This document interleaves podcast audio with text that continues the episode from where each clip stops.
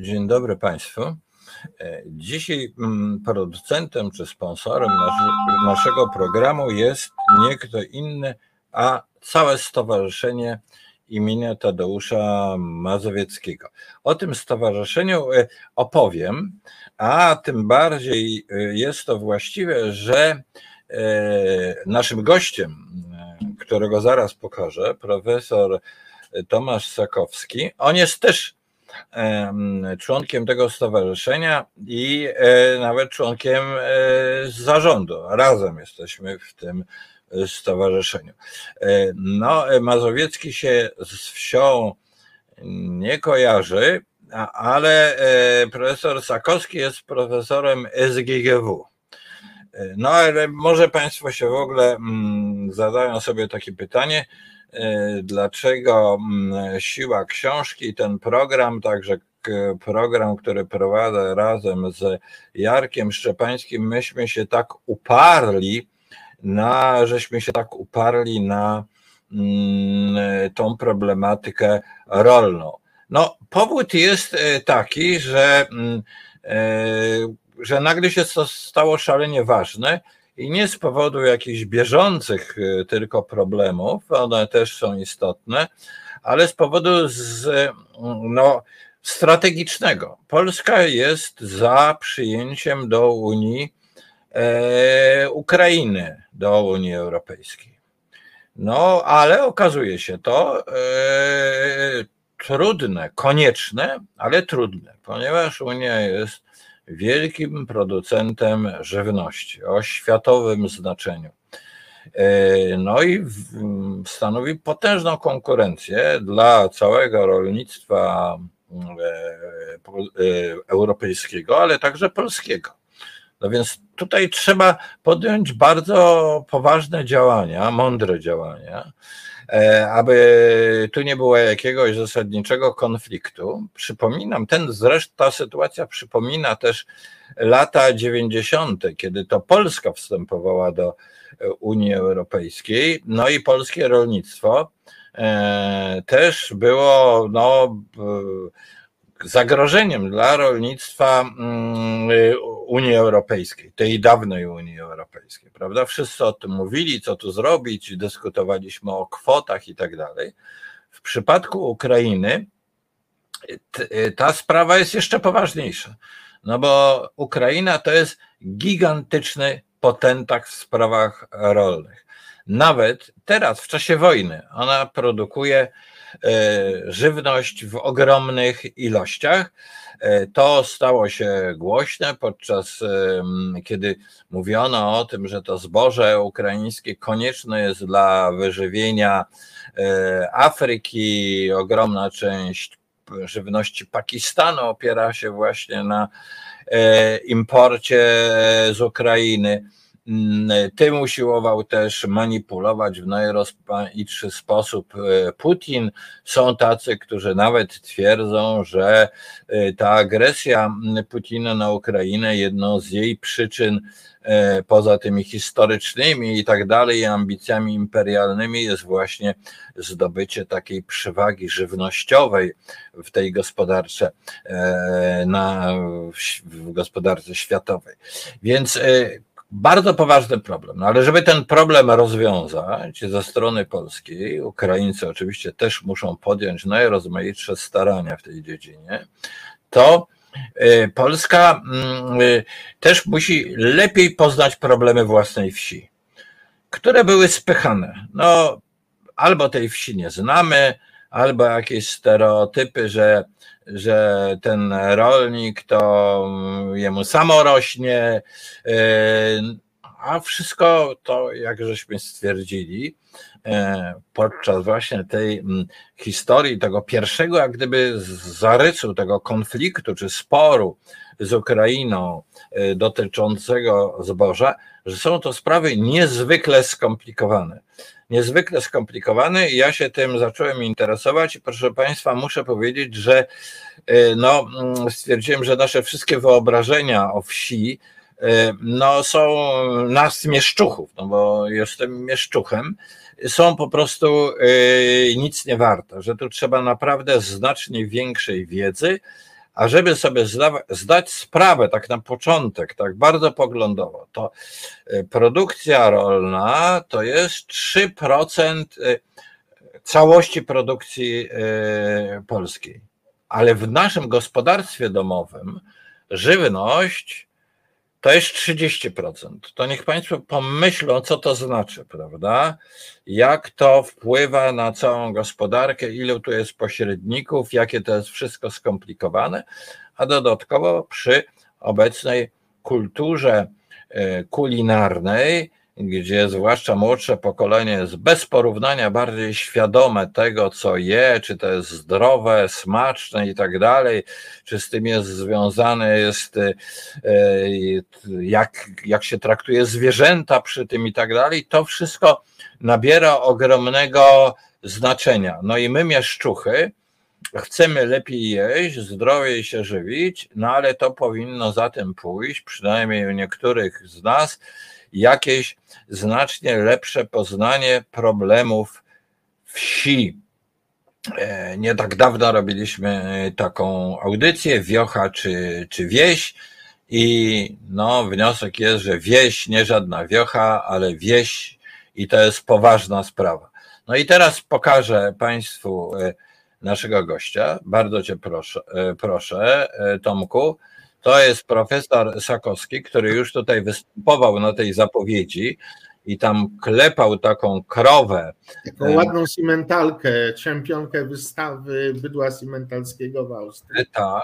On y, z pochodzenia, z pochodzenia profesor mm, y, Sakowski jest mieszczuchem. Ty nie, nie pochodzisz ze wsi ale zacząłeś studiować y, problematykę właśnie no, tą tą rolną. Mówiłeś nawet, że w Czech, że studiowałeś w Czechach, a teraz jesteś profesorem SGGW. Co ciebie tak, mierzy? zamordowali bycie Słowacy, bo ja studiowałem w Nitrze. Chciałem studiować w Czechach, ale skierowali nas do Nitry. I tam zapoznałem się właśnie e, z rolnictwem słowackim, wielkopowierzchniowym, z dużymi e, PGR-ami, z dużymi spółdzielniami rolniczymi. No i miałem taką jak to się mówi, możliwość spojrzenia na sprawy polskiego rolnictwa z zewnątrz. Ja, proszę Państwa, chciałem się na początku przywitać. Dzień dobry, witam. Mam nadzieję, że nie będę nudził, że tutaj razem z Kaziem poprowadzimy ciekawą rozmowę na temat rolnictwa, jakie jest i jakie powinno być, czy będzie, bo te przekształcenia rolnicze odbywają się w Polsce od momentu wstąpienia a już nawet wcześniej do Unii Europejskiej.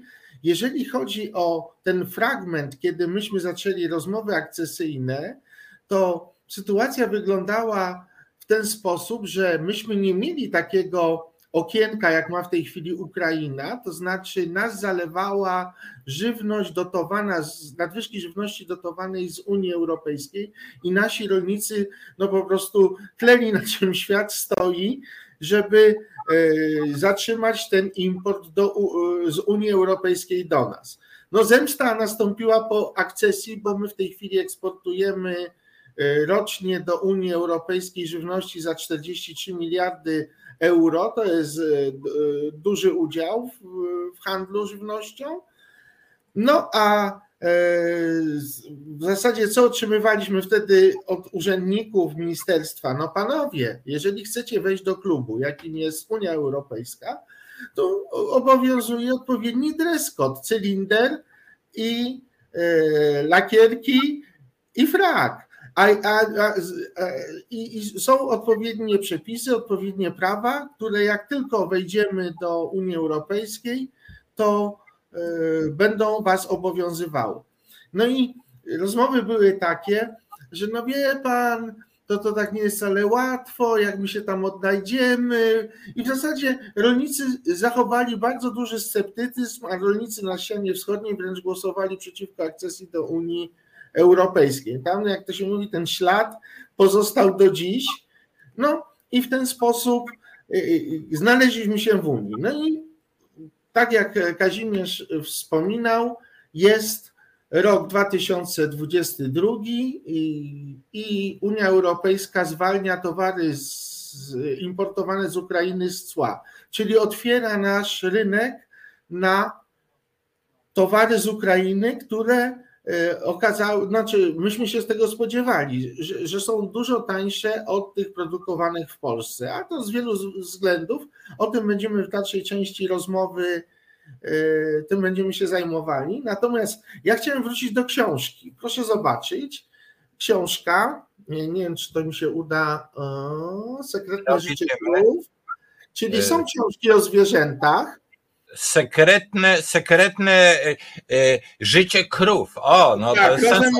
Oczywiście to jest idealistyczny pogląd na życie zwierząt, bo, bo, bo nikt się nie zgodzi, żeby sobie krowa chodziła ścieleńcie się po, po łące, bo ona musi też wyprodukować dla rolnika trochę mleka i mięso. No, więc to jest y, uczestnik naszego życia gospodarczego z tym, że no, zmienia się podejście do hodowli zwierząt i yy, może właśnie dzięki takim książkom, które czytają ludzie w mieście, zaczynają się mieszczuchy tak, domagać lepszego traktowania zwierząt, wypuszczenie kur klatek, yy, chlewnej z kolców, wypuszczenie bydła, które no, ma pochodzenie zwierząt stepowych na łąkę, na pastwisko, a nie trzymanie e, w zamkniętych oborach, co prawda bardzo nowoczesnych, ale zupełnie inaczej funkcjonuje zwierzę mające możliwość ruchu, a inaczej funkcjonuje zwierzę, które jest trzymane na łańcuchu w oborze. No po prostu wtedy ono jest, ma w stanie, zwierzę y, na wybiegu jest w stanie pokazać swój charakter, no a my wtedy możemy odczytać z jego zachowania, czy jest mu dobrze w tych warunkach, czy źle. Ale czekaj, zatrzymajmy się jeszcze, jeżeli pozwolisz, nad y, y, tym, co żeś powiedział, że to jest zemsta polskiego rolnictwa za te pierwsze lata tak żeś to ujął dosyć sensacyjnie. To znaczy, najpierw było tak, że wszyscy się bali wejścia do Unii Europejskiej, czy związani z rolnictwem, bo się bali e, importu. A teraz Polska ma ogromną nadwyżkę w eksporcie z, e, z Unii Europejskiej. Tak? Jest nie, nie, My e, zaopatrujemy w żywność sąsiednie kraje, i głównie Niemcy, y, y, Czechy, Słowacje. Nasze towary czasami nie, są niewidoczne, to po kodach kreskowych można poznać, że one są, dlatego że często y, przetwórcy stosują po prostu markę danego kraju, żeby nie narażać się na po prostu na oskarżenie, że polska żywność zalewa dany kraj. Natomiast, natomiast ktoś, kto głębiej siedzi w tematyce, wie, że e, myśmy uratowali nasz przemysł przetwórczy, przemysł mięsny i mleczarnie i one są w stanie przerabiać mleko na przykład, czy mięso, które sobie podróżuje w Europie i, i, w różne strony. I to też dotyczy naszego handlu z Ukrainą. Tu my mamy takie dane, że ten handel z Ukrainą to jest raptem 2% handlu, polskiego handlu y, żywnością, czyli y, z 47 miliardów euro z polskiego eksportu my, my eksportujemy do Ukrainy raptem za 1 miliard euro, natomiast importujemy dwa, za 2 miliardy, a to są właśnie głównie zboża paszowe i rośliny oleiste. To jest w zasadzie większość e, tego importu, a reszta to są właśnie jakieś e, drobiazgi w postaci soków warzywnych, owocowych, cukru i tak dalej, czyli to jest taki import uzupełniający, zupełnie e, zrozumiały i tak mi się wydaje, że z tym problemem zbożowym to oczywiście to dotyka rolników, którzy zostali z tym zbożem, ale ale jeżeli wziąć skalę tego handlu i obrotu, to to jest oczywiście e, no, problem e, wyolbrzymiony. Dobrze, ale poczekaj, ja ci chcę coś pokazać, żebyś to skomentował. a mianowicie, że 8% ogółu, ogółu mm, pracujących to pracują w rolnictwie. I to jest no niecałe półtora miliona osób, ale 30% pracuje w produkcji, w przemyśle, w produkcji przemysłowej, a 60% w usługach. Co to, co to oznacza? Co, kto to są te 8%, które są zaliczone jako pracujący w rolnictwie? Czy to są ci, którzy pracują na polach, jeżdżą tymi traktorami, czy to są już farmerzy, którzy y, przetwarzają tę żywność? Gdzie jest zaliczony przemysł ten spożywczy? On jest w tej produkcji przemysłowej, czy on jest te 8% to jest ten, ten przemysł spożywczy? Czy możesz tam na to pytanie e, jakoś odpowiedzieć? No, patrzymy jeszcze raz, 8% pracujących w Polsce, takich osób w Polsce jest 22 miliony, e, w, e, e, znaczy w wieku produkcyjnym, 17 milionów pracujących, to 8% z tego pracuje w rolnictwie, półtora miliona. Proszę, jak, no. jak na to, że tak powiem, tą sytuację opiszesz? No to jest jak to się mówi, ogólnoświatowa tendencja. Bogatsze kraje wysysają siłę roboczą ze wsi do miasta. Rolnictwo, gospodarstwa się koncentrują w, rękach coraz mniejszej ilości rolników, którzy muszą tak gospodarować, żeby tą ludność miejską wyżywić. Jednym słowem, my jesteśmy w tej chwili jeszcze w sytuacji, kiedy 8% ludzi jest zatrudnionych na wsi, ma własne gospodarstwa. Tych gospodarstw jeszcze towarowych jest 600 tysięcy, a takich w ogóle zarejestrowanych kruzowskich jest 1 200 tysięcy, ale skupmy się na tych, które produkują, a nie na takich gospodarstwach socjalnych, które mają inny wymiar i inne znaczenie.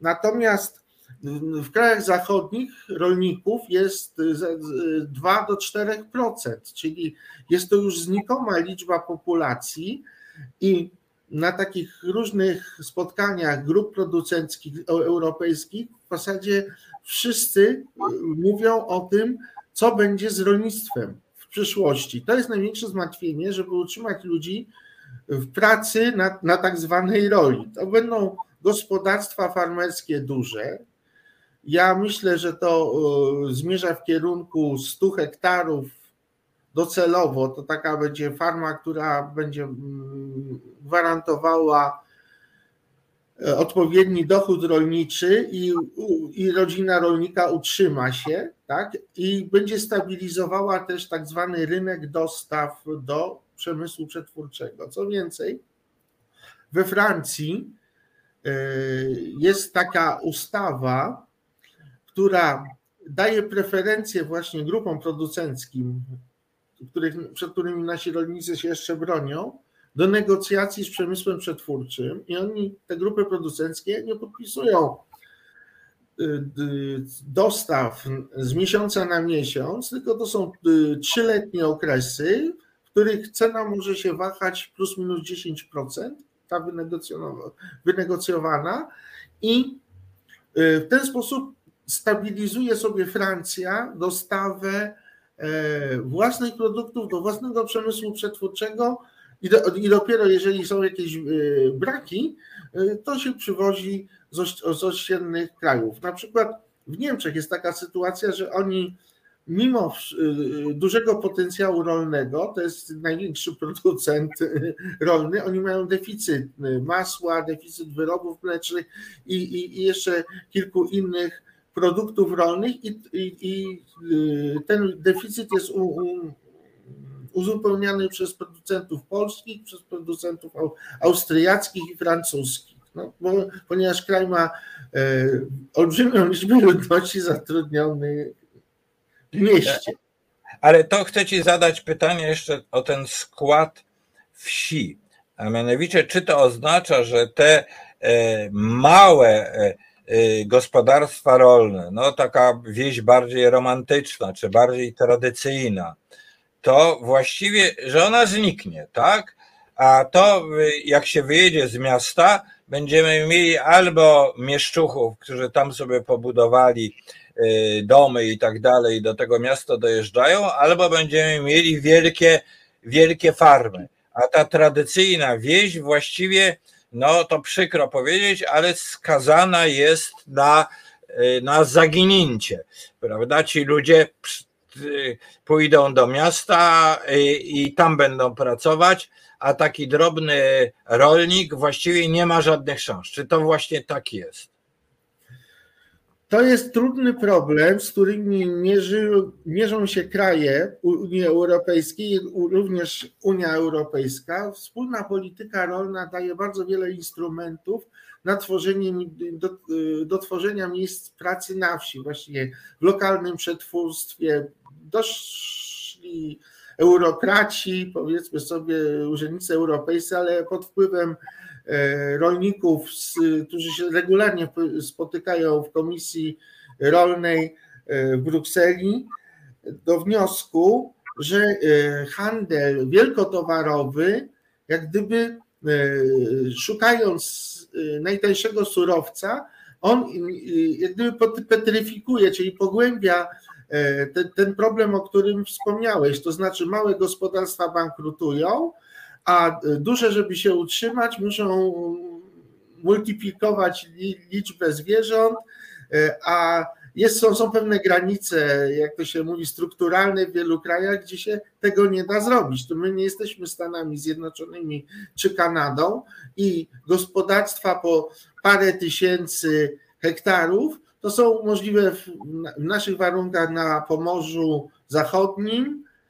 i w zasadzie y, trochę w Wielkopolsce, ale natomiast takim krajem, który aspiruje do rolnictwa farmerskiego jest właśnie Ukraina i tu jak to się mówi, sprawę trzeba obgadać, prawda? Czyli co może, y, czym nas może rolnictwo ukraińskie wesprzeć, a, a co my jako y, Polacy musimy chronić z naszego dziedzictwa kulturowego, bo ja uważam, że wyludnienie wsi spowoduje, że będzie trudno na przykład udzielać pomocy ludziom w wypadku jakichś klęsk żywiołowych, ponieważ najbliższe gospodarstwo nie będzie tam 100 czy 200 metrów, tylko 2-3 kilometry i, i, i ten kontakt będzie, jak to się mówi, utrudniony.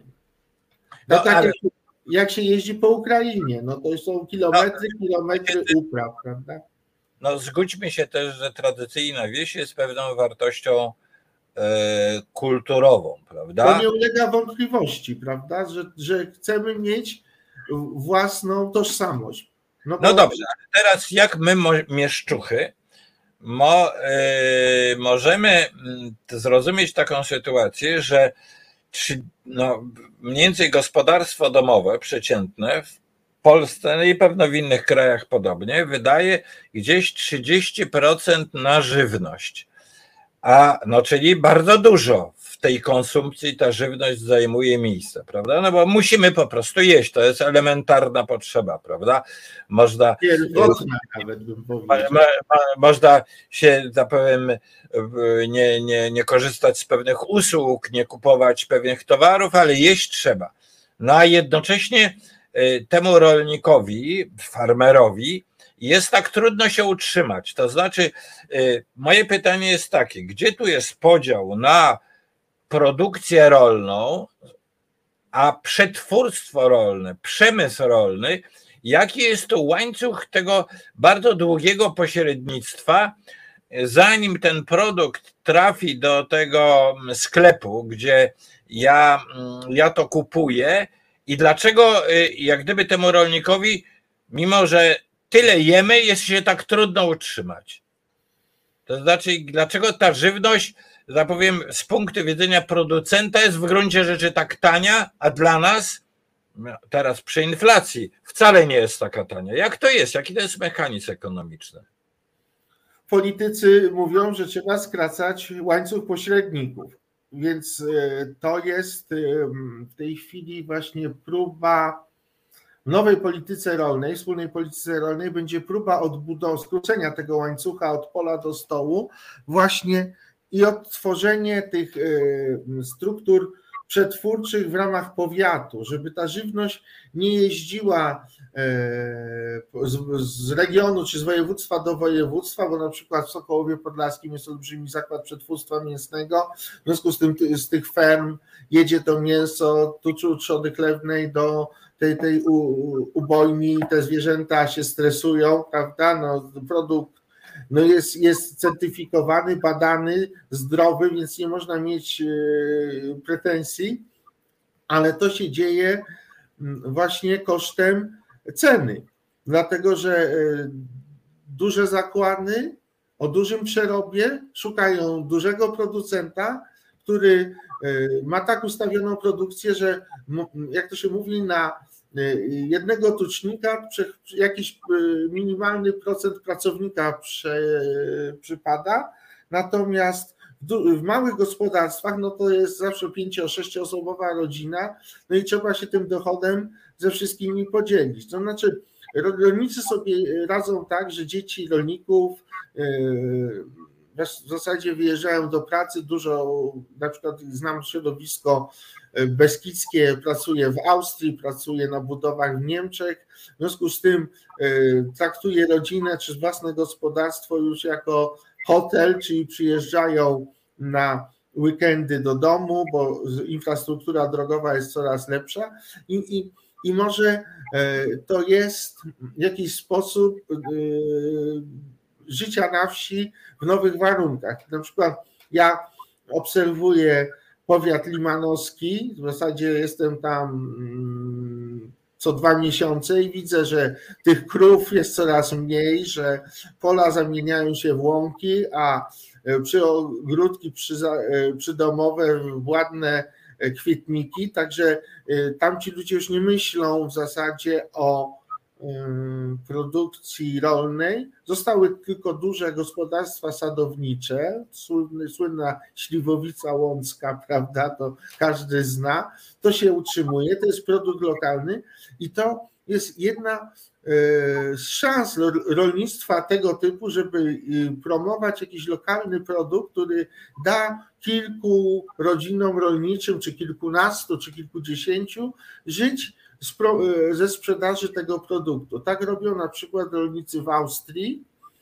Oni mają e, no, kilka raz bydła, które hodują i te właśnie tak zwane zagrożone rasy bydła e, produkują wyroby, których nie mogą, znaczy ich smak, ich, ich specyfika, ich, ich konsystencja nie może być odtworzona e, na bazie mleka e, krów mlecznych, to czyli holsztynofryzów czy simentali. I w ten sposób pomaga się właśnie e, tym drobnym rolnikom gdzieś wysoko w górach. Tam są jeszcze dopłaty do utrzymania środowiska, takie zwane projekty rolno-środowiskowe u nas też są, tylko ja cały czas myślę, że my nie jesteśmy wystarczająco konsekwentni w tym, co robimy i po prostu E, e, rolnicy biorą te, te, dopłaty, które są e, aktualnie dla nich dostępne. Natomiast jedne programy się kończą, drugie się zaczynają i, i w rezultacie nie wiem, czy, czy ten efekt końcowy jest osiągnięty.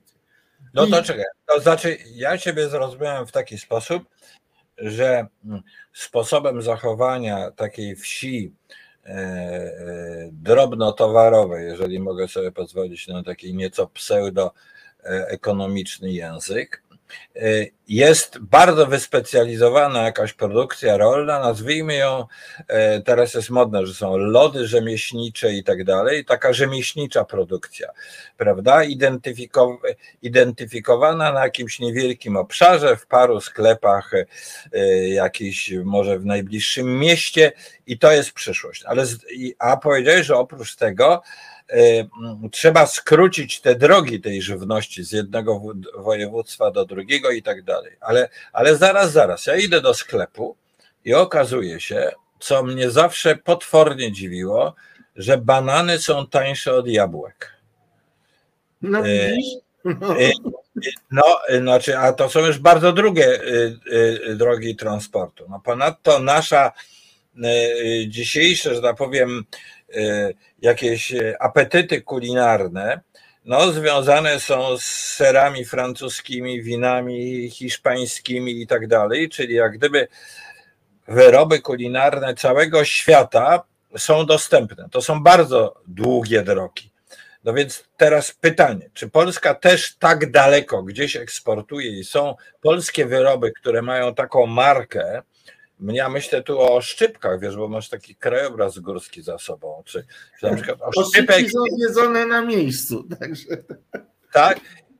No właśnie, ale czy są takie marki polskie, takie produkty polskie, może nie marki same, ale takie produkty polskie, które są, nazwijmy to światowe, które jadą daleko w świat i są identyfikowane z Polską.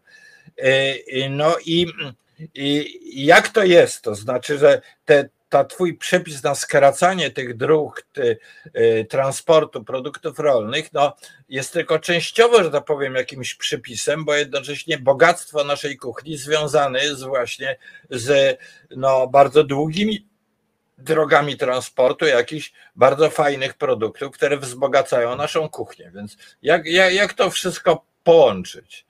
No to jest właśnie pytanie, nad którym głowią się specjaliści od transportu i handlu w Unii Europejskiej. Mam takie y, wrażenie, że nie powinniśmy przeszkadzać handlowi między y, krajami Unii Europejskiej. No, mamy kraj aż po Atlantyk, no i w związku z tym do nas, no i jednym z większych dystrybutorów jest mm, firma Biedronka, która jest y, własnością portugalskiego kapitału i, ono, i on e, zaopatruje nas dobre portugalskie wina, w związku z tym e, tego produktu nie było w Polsce. Nie wiem, czy pamiętasz, czy Państwo pamiętają, e, w czasach słusznie minionych były wina bułgarskie i wina rumuńskie, taki rumuński czerwony cabernet, Myśmy starali się wtedy produkować jakieś e, namiastki dobrych wyrobów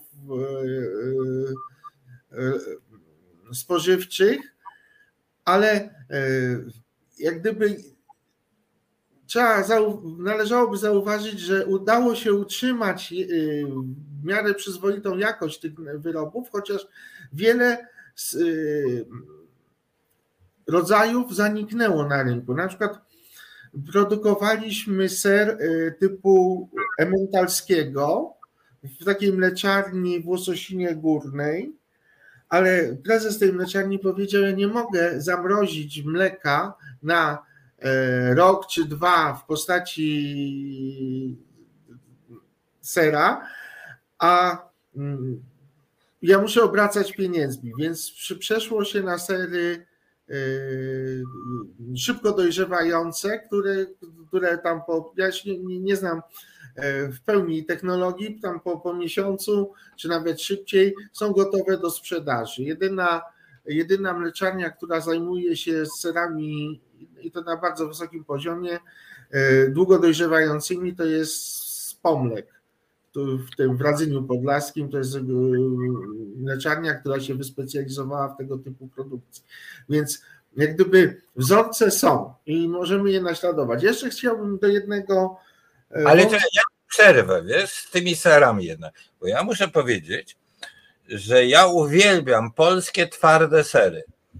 I e, mimo mojego internacjonalizmu w dziedzinie serów jestem prawie nacjonalistą, nie snobuję się na sery francuskie, natomiast polskie twarde sery bardzo mi smakują, nawet bardziej niż te cheddary brytyjskie czy angielskie. I to moim zdaniem jest znakomity, znakomity produkt.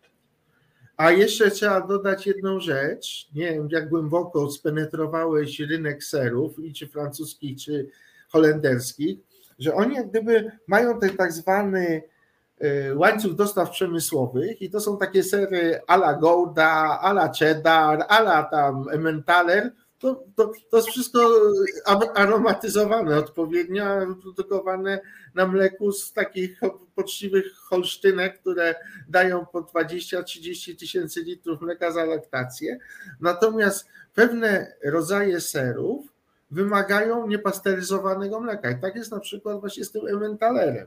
Więc ja też jestem za tym, żeby kupować polskie sery twarde, właśnie długo dojrzewające, o ile takie się yy, no, pojawiają w sklepach, bo nie wszystkie sklepy chcą handlować serami po 50-60 zł za, za kilogram. Na to nie schodzi. Schodzą te właśnie tańsze Tańsza żywność po prostu wypiera tą żywność lepszej jakości. I tu jest y, bardzo duży problem, ponieważ wszystko, co jest produkowane, jest dopuszczone, czyli nie można podważać receptur stosowanych środków spożywczych, utrwalaczy, zagęszczaczy y, i środków konserwujących, bo one są dopuszczone. Natomiast y, z drugiej strony mamy tak zwaną naturalną konserwację żywności. To są sławne kindziuki, na przykład litewskie. Tam też y, północno-wschodnia Polska jeździ, zaopatruje się w dobre wyroby mięsne. Mają bardzo dobre wyroby mleczarskie, tylko Litwa jest małym krajem, więc nie może wyżywić całej Polski. A, a z drugiej strony właśnie y, mamy do czynienia z żywnością, która w jakiś sposób szybko się utlenia, no i po paru dniach pobytu w lodówce e, nie nadaje się już do spożycia. To, to nie jest, jak, dla, według mnie, to nie jest ta droga, którą powinien pójść e, przemysł spożywczy i, i, i przetwórcy. Natomiast jeszcze chciałem wspomnieć a propos mieszczuchów. Na, w dzielnicy tutaj na, jest taka polsko-ukraińska piekarnia, która robi ręcznie e, chleb. Pytam się, jak sobie radzicie, przecież te mąki się nie nadają a oni mówią, my mamy taki młyn, który produkuje nam taką mąkę o takiej lepkości, jaką chcemy, dzięki temu nam wychodzą piękne wyroby. Oczywiście kilogram chleba kosztuje tam 11 zł, a bułeczka 2,50, ale to jest taka bułeczka, że jak jedną zjem, to jestem nasycony na cały dzień. I tutaj jest ta tajemnica tego, że lepiej dobrze, a mniej, niż się opychać yy, yy, właściwie. Tutaj, tutaj muszę Ci powiedzieć, że sytuacja jest niebezpieczna, bo takie bułeczki, ja kupuję też taki chleb świetny i takie bułeczki. I problem jest, że jak mm, zjem jedną bułeczkę, to zaraz zjem drugą bułeczkę, a czasem jeszcze trzecią bułeczkę. I to mm, y, no, bardzo wpływa na moją wagę. No, że takie bułeczki są bardzo niebezpieczne, aczkolwiek niezwykle smaczne. No dobrze, ale tutaj mamy taką uwagę, że to mleko jest dla cielaka, a nie dla ludzi. Więc zajmijmy to. Ja coś czuję, taki touch e, u, u pani Anety, e, e, tak to pani. Nie, pan Marian Gongor uczynił taką, taką uwagę, więc ja to czuję taki lekki touch, mm, takie dotknięcie ekologiczne no więc zajmijmy się bardzo poważną sprawą związaną z krową. No tu jest e, krowa, ty uwielbiasz krowy, ty jesteś profesorem od krów. E, zaraz e, po Państwu pokażę, co, o proszę bardzo, co profesor... Ale to nie jest, jak to się mówi, moja robota. Co profesor Sakowski robi z krowami dołącza do nich właśnie takie całe laboratorium. No nie wiem, zaraz się będziesz tłumaczył, czy nie męczy zwierząt. Ale ja ci najpierw zadam pytanie, w pełni cię pokazując na ekranie i masz odpowiedzieć, czy ty żeś w życiu w ogóle doił krowę, ty mieszczuchu, który co prawda zdobyłeś tytuł profesora SGGW. No więc... Yy... No jak? Jak jest z dojeniem krowy? No zdajeniem krowy jest tak, że taką krowę, którą pokazałeś na zdjęciu, polską czerwoną, i, i, przyjemnie się doi, bo ona nie daje dużo mleka, nie? czyli tam po prostu można 10 litrów czy 5 litrów te, tego mleka wydoić. Natomiast to jest góra 10. Natomiast e, HF-ki no nie da się wydoić, bo ona ma po prostu wymie olbrzymie lata selekcji spowodowały, że te krowy straciły taki swój naturalny charakter. Patrząc na tą krowę, widzimy, że ona jest takiej, to się nazywa kondycji pastwiskowej, czyli jest czysta, nie jest otłuszczona, jest taka, jak to się mówi, e, e, gotowa jak gdyby do produkcji, do e, rodzenia cieląt. Natomiast jeżeli chodzi o moje dojenie, to. Ta krowa jest, krowa jest wręcz wychudzona, posłuchaj. No nie, to jest właśnie bardzo dobra, e, jak to się mówi, kondycja pastwiskowa. Ona lepiej nie będzie wyglądała. Jak narzuci za dużo tłuszczu na siebie, to straci pewien charakter, e, znaczy e, będzie utrudnione zapłodnienie takiej krowy i, i zaczną się procesy takie chorób metabolicznych, które nie są pożądane. Oczywiście w, w, w, bydło dzielimy na bydło mleczne, bydło dwustronnie użytkowe, czyli cechy mleczne i mięsne się równoważą i, i bydło mięsne, gdzie tylko w zasadzie się produkuje mięso i tak jak tutaj pani nam wypomniała, mle, krowy mają tylko mleko dla swoich cielą. Natomiast krowa rasy czerwonej, ona troszeczkę została udoskonalona przez dolew krwi duńskiej czerwonej, natomiast takie bydło naprawdę w typie takiego bydła e, autochtonicznego, ono nie potrafi, nie, pozwoli się wydoić, jeżeli nie będzie krowa miała w zasięgu wzroku swojego cielaka. Najpierw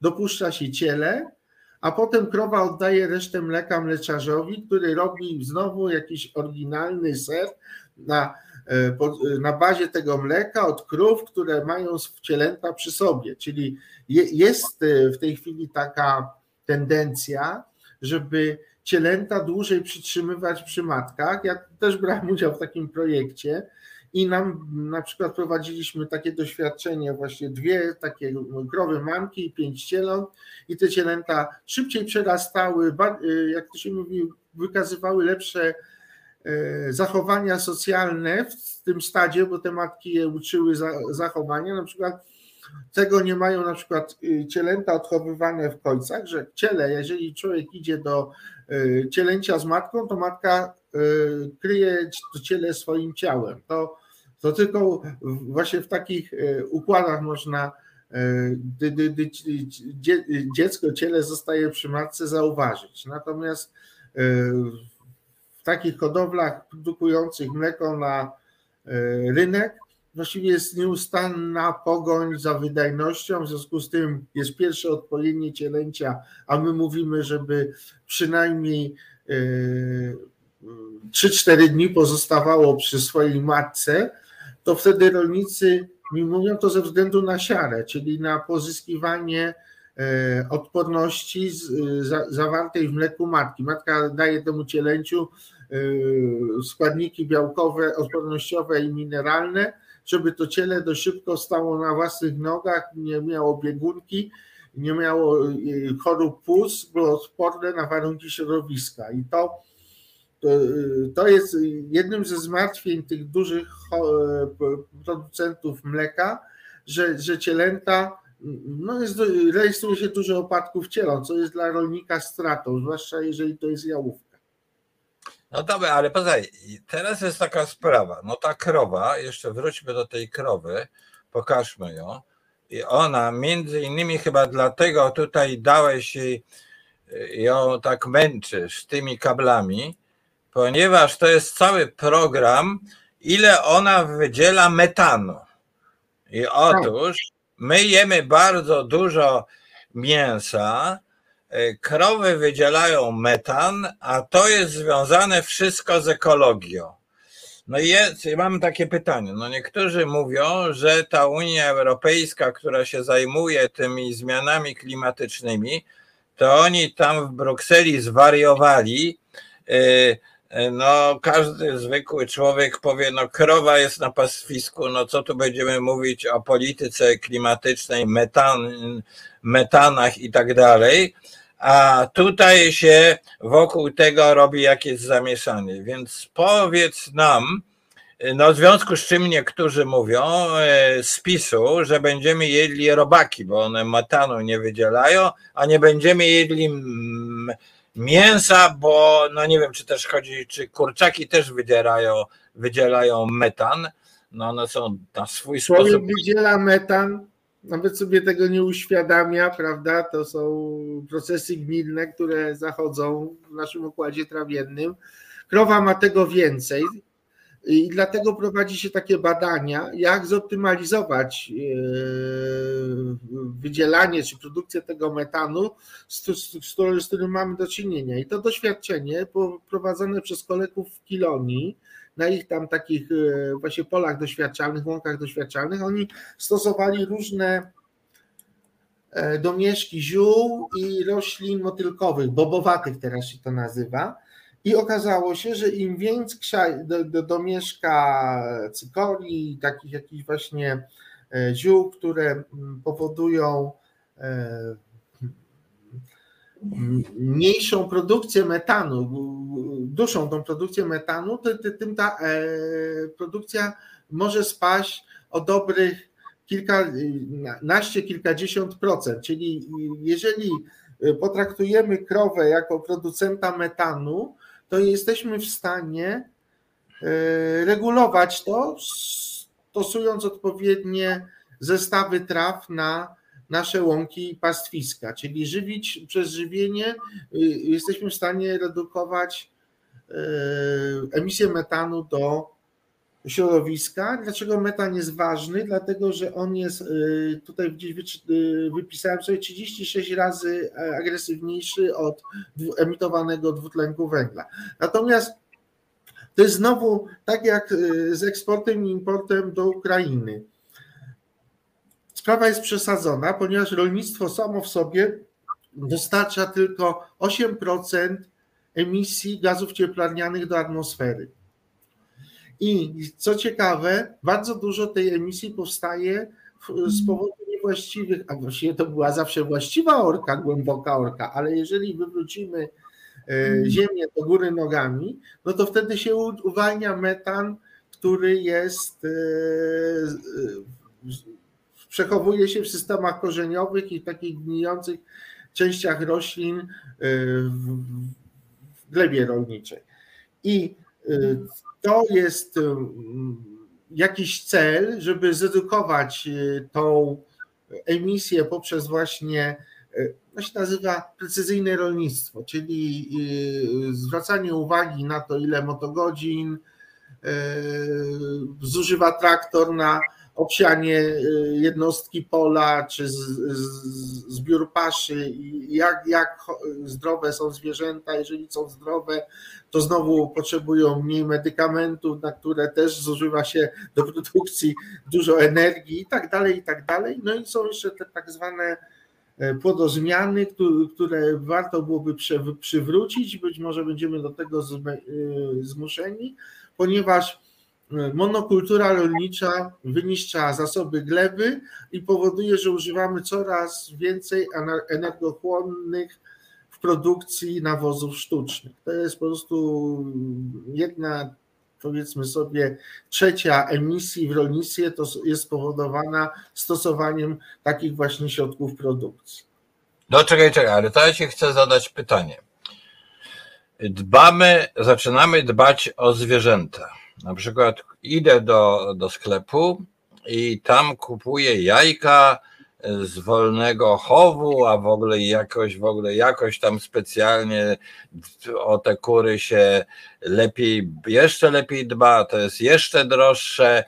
Yy, no też o te krowy, jak one są traktowane, no, wszystko to brzmi bardzo, że tak powiem, dobrze, no bo każdy, kto ma do czynienia z, ze zwierzętami, czy to ma własnego psa, czy kota, wie, że o zwierzęta trzeba dbać. No i te zwierzęta, pewno ten, kto ma do czynienia na co dzień z tą krową, czy, y, czy z kurami, też traktuje to jako taki świat przyrody, o który trzeba zadbać. Ale gdzie tu jest takie, y, jakbym powiedział, humanitarno-zwierzęce podejście do tego tego świata produkcji rolnej. Już teraz przejdźmy na, na, na właśnie na, na tą wieś do tej farmy. A gdzie jest ekonomia? Gdzie jest ekonomia? Czy ten produkt, czy ta e, kura lepiej traktowana, czy ta krowa lepiej traktowana, ta żywność jest lepszej jakości? No to by trzeba było wrócić do wiersza Brzechwy. Proszę pana, pewna kwoka traktowała świat z wysoka, nie? No i w rezultacie wszystkich wychowywała, ale sama znalazła się w klatce.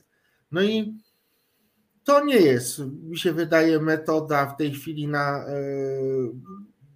produkcję żywności e, do konsumpcji przez ludność państw europejskich. Ja rozumiem, że, że pewne rzeczy można intensyfikować w produkcji przemysłowej, gdzie, ale to po prostu jest tak na boku i tak, jak to się mówi, szeptając. Natomiast obraz rolnictwa nie może być obrazem obozów śmierci dla zwierząt, więc w międzyczasie w ciągu ostatnich 20 lat zmieniły się techniki oboju e, bardziej humanitarne, chociaż e, jak rozmawiamy na grupach, na grupie trzodziarzy w Komisji Europejskiej, to pani od właśnie dobrostanu zwierząt mówi, czy ubój jest w ogóle humanitarny. I mieliśmy ostatnio taką prelekcję właśnie etyków, naukowców, którzy się zajmują właśnie etyką produkcji zwierzęcej.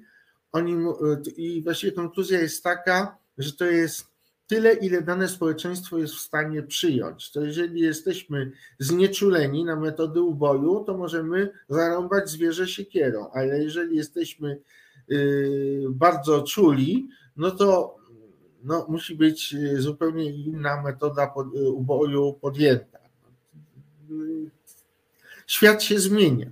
I ja widzę, że młode pokolenia, tak samo jeszcze 20 lat temu to się śmiałem, że o, to nam jeszcze dużo brakuje, żeby, tak jak Anglicy mówili, królowa angielska wydała 600 milionów e, funtów na promocję produkcji mleka na wsi dla dzieci z dużych miast, ponieważ one uważały, że mleko produkowane jest w fabryce. To jest rzeczywistość. Ja myślę, że jeżeli wycofamy odpowiednie lektury z wieku dziecięcego, to nasze dzieci też pomyślą, że pieniądze są w ścianie, tak jak mówią, nie? a mleko jest produkowane w fabryce i niczym się nie różni jako produkt od soku pomarańczowego czy jabłkowego.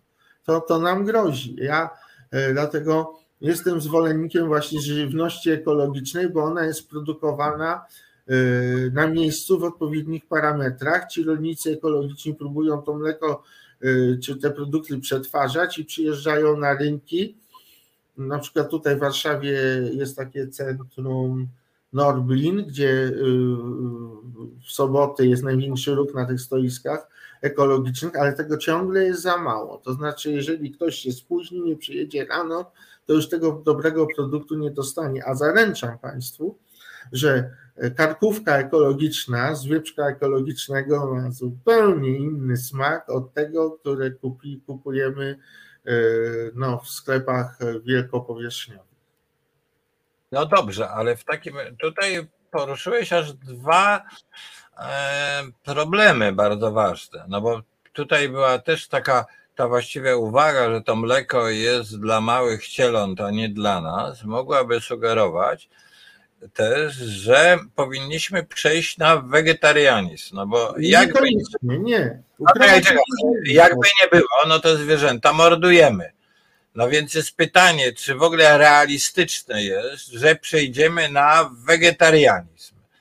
No tutaj się pojawiła taka uwaga, że niedługo mieszczuchy będą jeść trawę.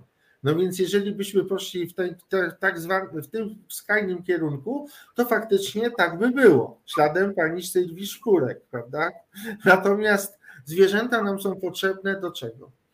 One były ja, I latały po stepie razem z neandertalczykami czy z antropami, tylko, Polacy, tylko e, człowiek się zmutował nie? w kierunku, no, zaczął używać narzędzi, e, po prostu inteligentniejsi przeżywali w tym środowisku, potem się wydłużyła długość życia, no i potem zwierzęta doszły do wniosku, a mówią, to może w tym człowieku jakoś nam się lepiej będzie żyło, prawda? No to jest przy, przykład do domestyfikacji psa, nie? No psa, pies się sprzedał w sumie za mich.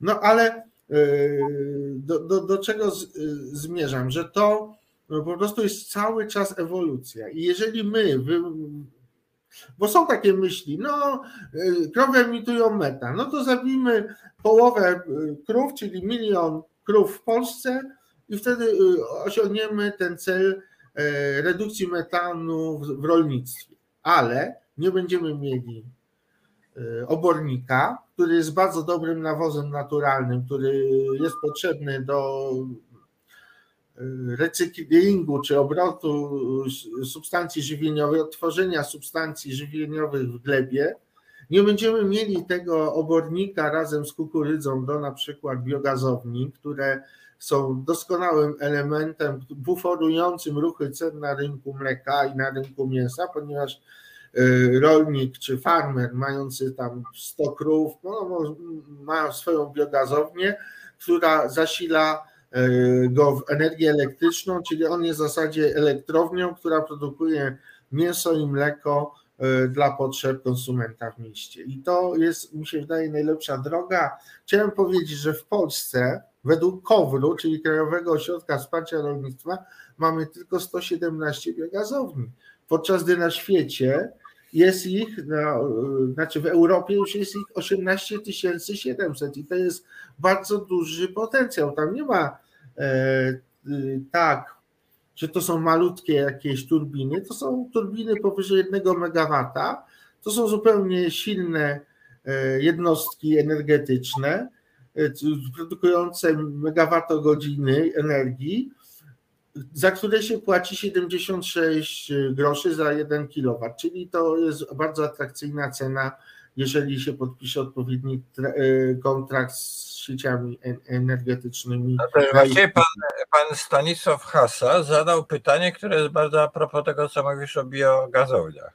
Spójrz tutaj na ten komentarz czy pytanie. Dlaczego Indie i inne kraje używają krowich placków jako paliwo do ogrzania domów. No to też jest jakby takie pytanie, na ile te jakieś uboczne produkty, no właściwie krowy. Tak, można wykorzystać. Więc właśnie dlaczego w tych planach polskiego rolnictwa nie ma biogazowni? Jak gdzieś czytałem, któryś z tych specjalistów brzmiało to niemal utopijnie, że Polska by się z samego tego biogazu mogła w ogóle energetycznie utrzymać. Nie wiem, czy to jest realistyczne. No my mamy, Włosi mają 2000 biogazowni, a my mamy dwa razy tyle zwierząt, czyli moglibyśmy mieć 4000 biogazowni, także to byłby już potężny potencjał. Ja cały czas myślę, że mówienie o energetyce jądrowej, która nie jest nasza, no bo musimy sprowadzić i uran, i całą technologię, to jest następny krok, jeżeli nie zbuforujemy tych wahań w sieci właśnie takimi e, e, rozwiązaniami jak biogaz, prawda? Znaczy, teraz ja mam jeszcze tutaj jedno bardzo ważne pytanie pana Polaka, ale na razie je zawieśmy, bo ono jest bardzo poważne e, i takie futurystyczne nieco. Natomiast ty żeś właściwie powiedział coś takiego, że my, e, no, przejście na wegetarianizm nie byłoby takie mm, mądre, ponieważ te krowy, zwierzęta wytwarzają też nie tylko samo mięso, ale nawóz i tak dalej i że właściwie my żyjemy w świecie zwierząt i to jest jakiś taki bardzo skomplikowany no, mm, układ tak? To znaczy, że w gruncie rzeczy, tak jak i nie wiem, 10 tysięcy lat temu, prawda?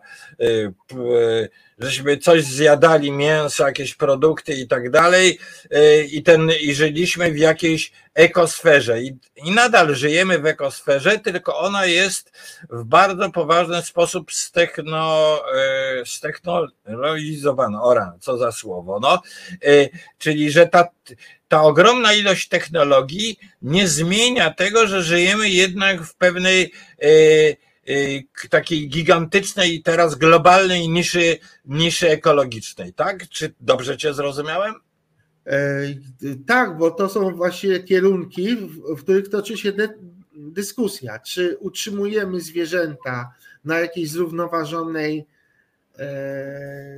w zrównoważonych populacjach, ale co zrobić, skoro nasza ludzka populacja przyrasta w szybkim tempie i jakie są zasoby e, ziemskie, żeby te 9, 10, 11, 12 miliardów ludzi wyżywić, prawda?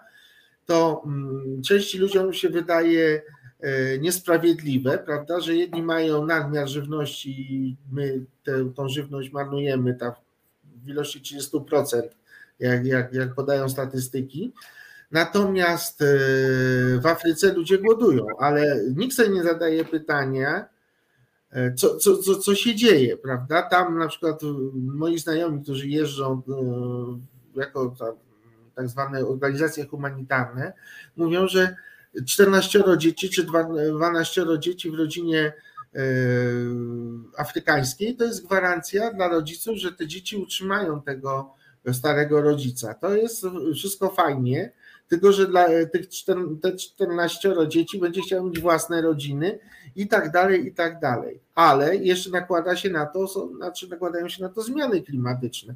I one nie są wcale tak daleko od nas, dlatego że ja mam kolegów we Francji, którzy kopią bardzo głębokie studnie, żeby nawadniać swoje łąki i pastwiska, a, a także produkcję na, na przykład owoców typu morela czy brzoskwinia.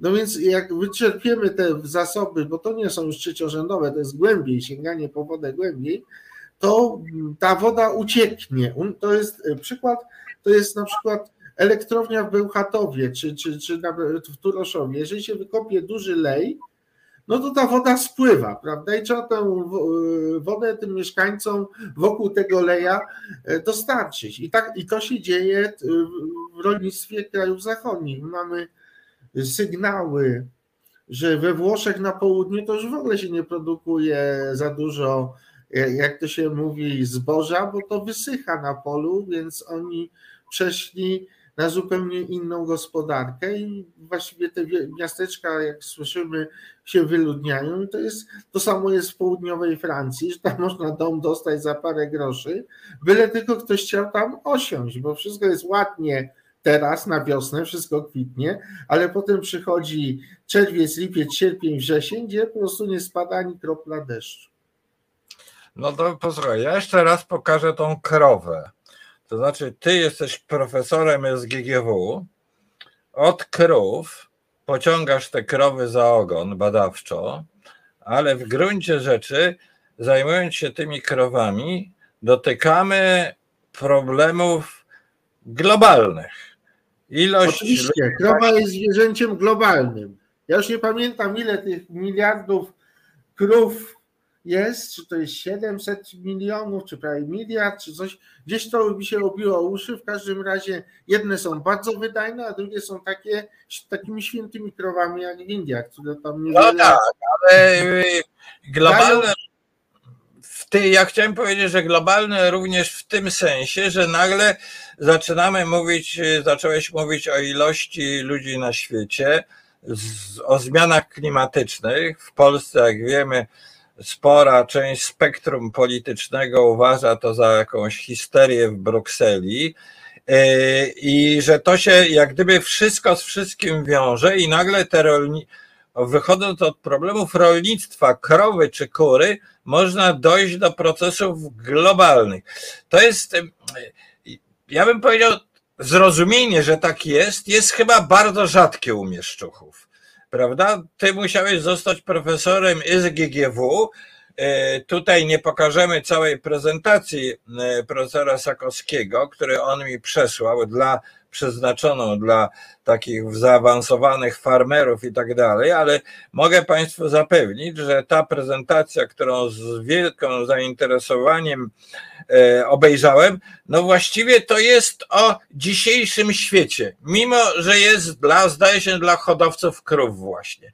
Więc te, ten, ten globalizm rolnictwa, prawda, ten globalizm kroby mnie mówiąc,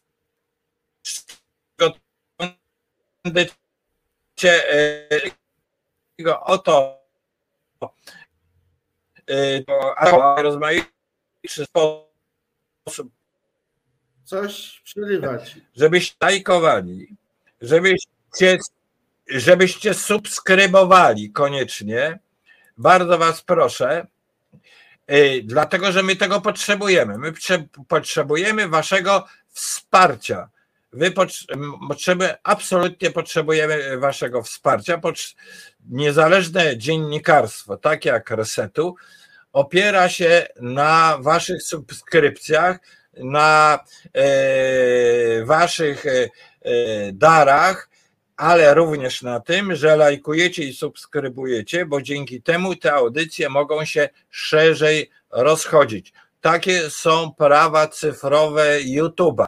Tak jak ta krowa jest bardzo skomplikowana, ten YouTube może nie jest aż tak skomplikowany jak krowa, ale ma swoje procedury. Jeżeli wy to subskrybujecie, a jeszcze nie, oby, polecacie to swoim znajomym i tak dalej, to jest to dla nas bardzo, bardzo ważne. I jeszcze tutaj pokażę dla reklamy audycje, które my właśnie tutaj e, robimy w ostatnim czasie. Patrzcie, jakie to są tematy. To są tematy ważne. Staramy się być mm, no, poważni, e, trochę umieszczać sensacyjne tytuły, ale bardzo nam zależy na Was, na e, widzach.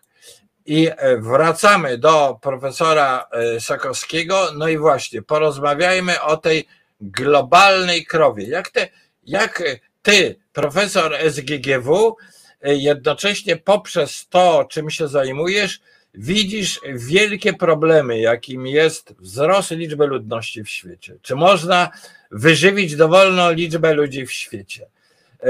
No to zahacza o bardzo poważne problemy, na przykład o nauczanie Kościoła, czy, no, że, że, mm, czy należy rzeczywiście tak bezwzględnie popierać e, rozrodczość. Prokreację, tak. Prokreację, może w Polsce tak, ale czy w Afryce?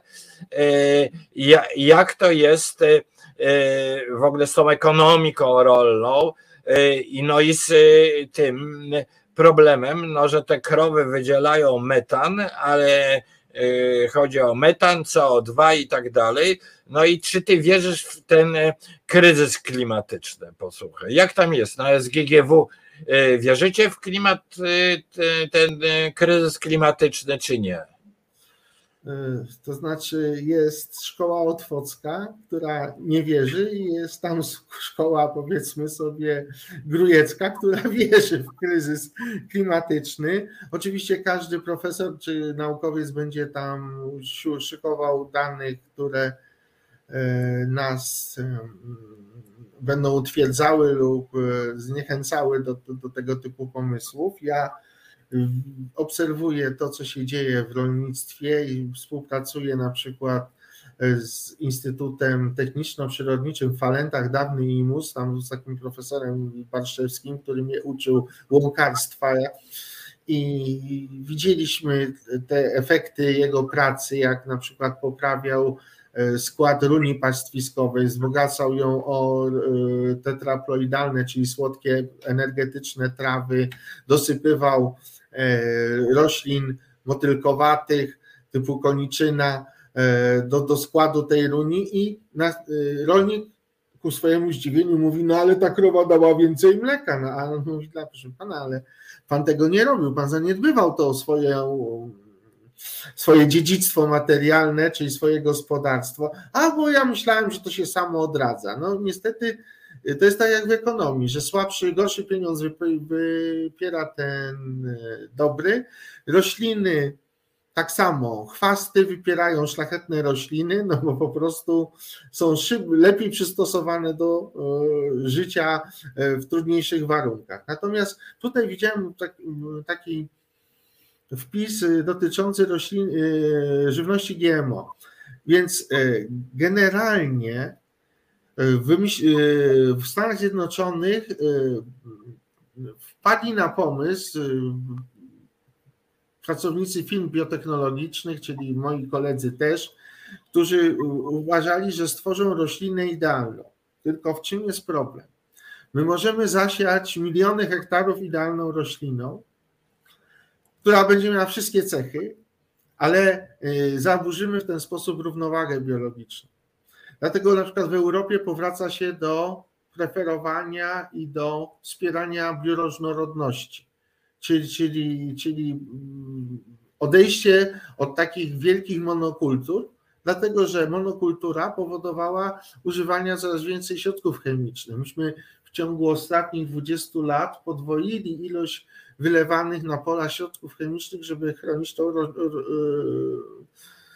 roślinność. A te środki chemiczne z kolei przedostają się do żywności, więc ja tu współczuję bardzo wegetarianom, bo na przykład jeżeli oni mają tofu z soi GMO, weganom zwłaszcza, to ta soja jest w Brazylii czy w Argentynie pryskana podwójnymi y, dawkami, a może nawet potrójnymi glifosatu. Oczywiście przyroda nie pozostaje obojętna, coś zmutuje i pojawi się nowy szkodnik odporny na glifosat. No to jest y, nieustanna walka o byt między właśnie przyrodą e, ożywioną i nieożywioną i gdzieś tutaj pomiędzy e, siłami natury jest człowiek, który usiłuje tą naturę jakoś regulować i wydaje mi się, że to jest y, czasami nieszczęśliwe regulowanie.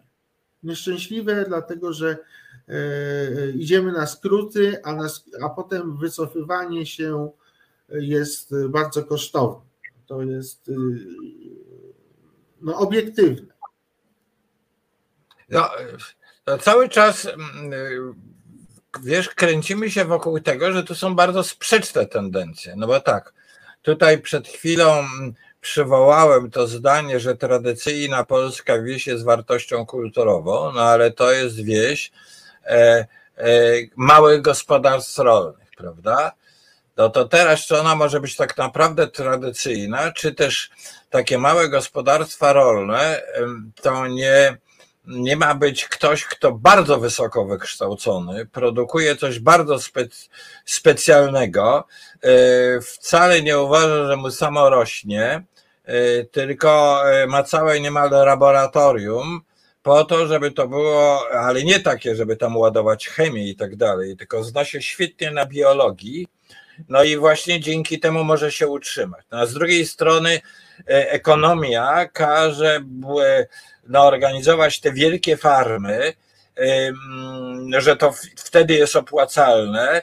E, no to jest e, drugi kierunek, jak gdyby z tym pierwszym sprzeczny.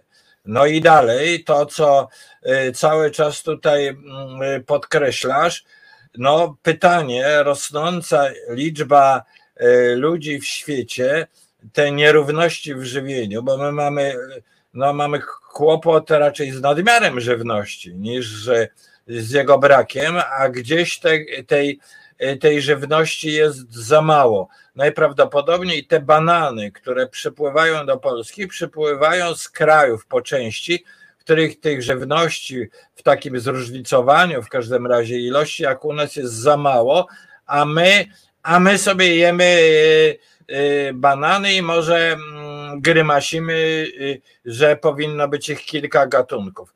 No więc jak, czy istnieje jakaś taka dyskusja poza to takimi badaniami laboratoryjnymi nad twoimi krowami, czy one wydzielają dość metanu, na temat jak gdyby tych globalnych procesów rolnych. I co to jest europejska polityka rolna? Czy europejska polityka rolna zajmuje się tylko ekonomią, czy e, zajmuje się czymś więcej?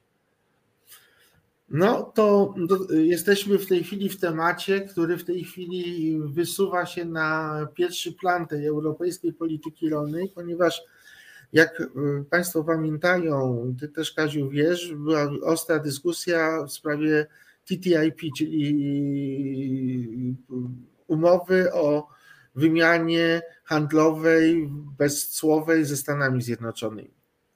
I ona została przez prezydenta Trumpa zawieszona, natomiast ja byłem uczestnikiem dyskusji, gdzie e, farmerzy europejscy mówili, nie damy, nie sprzedamy swojego dziedzictwa, czyli głównie Francuzi, E, podnosili głos, czyli połowiny francuskiej za amerykańską tanią wołowinę na sterydach, tak, jeszcze chlorowaną za butelkę francuskiego wina. Tak być nie może i jak gdyby te nastroje do otwarcia do tak zwanego globalnego świata się ochłodziły.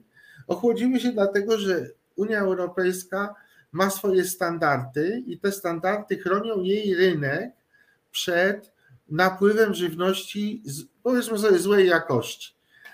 Ale jeżeli robimy coś takiego, że wpuszczamy, wymyślamy kategorię jakościową pod tytułem zboże techniczne, to nie mamy narzędzia, żeby sprawdzić jego jakość. Tymczasem się okazuje, że ono może mieć dwa razy większe dawki pozostałości dawek pestycydów niż zboże, które y, jest produkowane w Unii Europejskiej, gdzie te normy są przestrzegane, przynajmniej powinny być, bo wiadomo, że zawsze się znajdzie ktoś nieuczciwy i wtedy wybuchają skandale żywieniowe.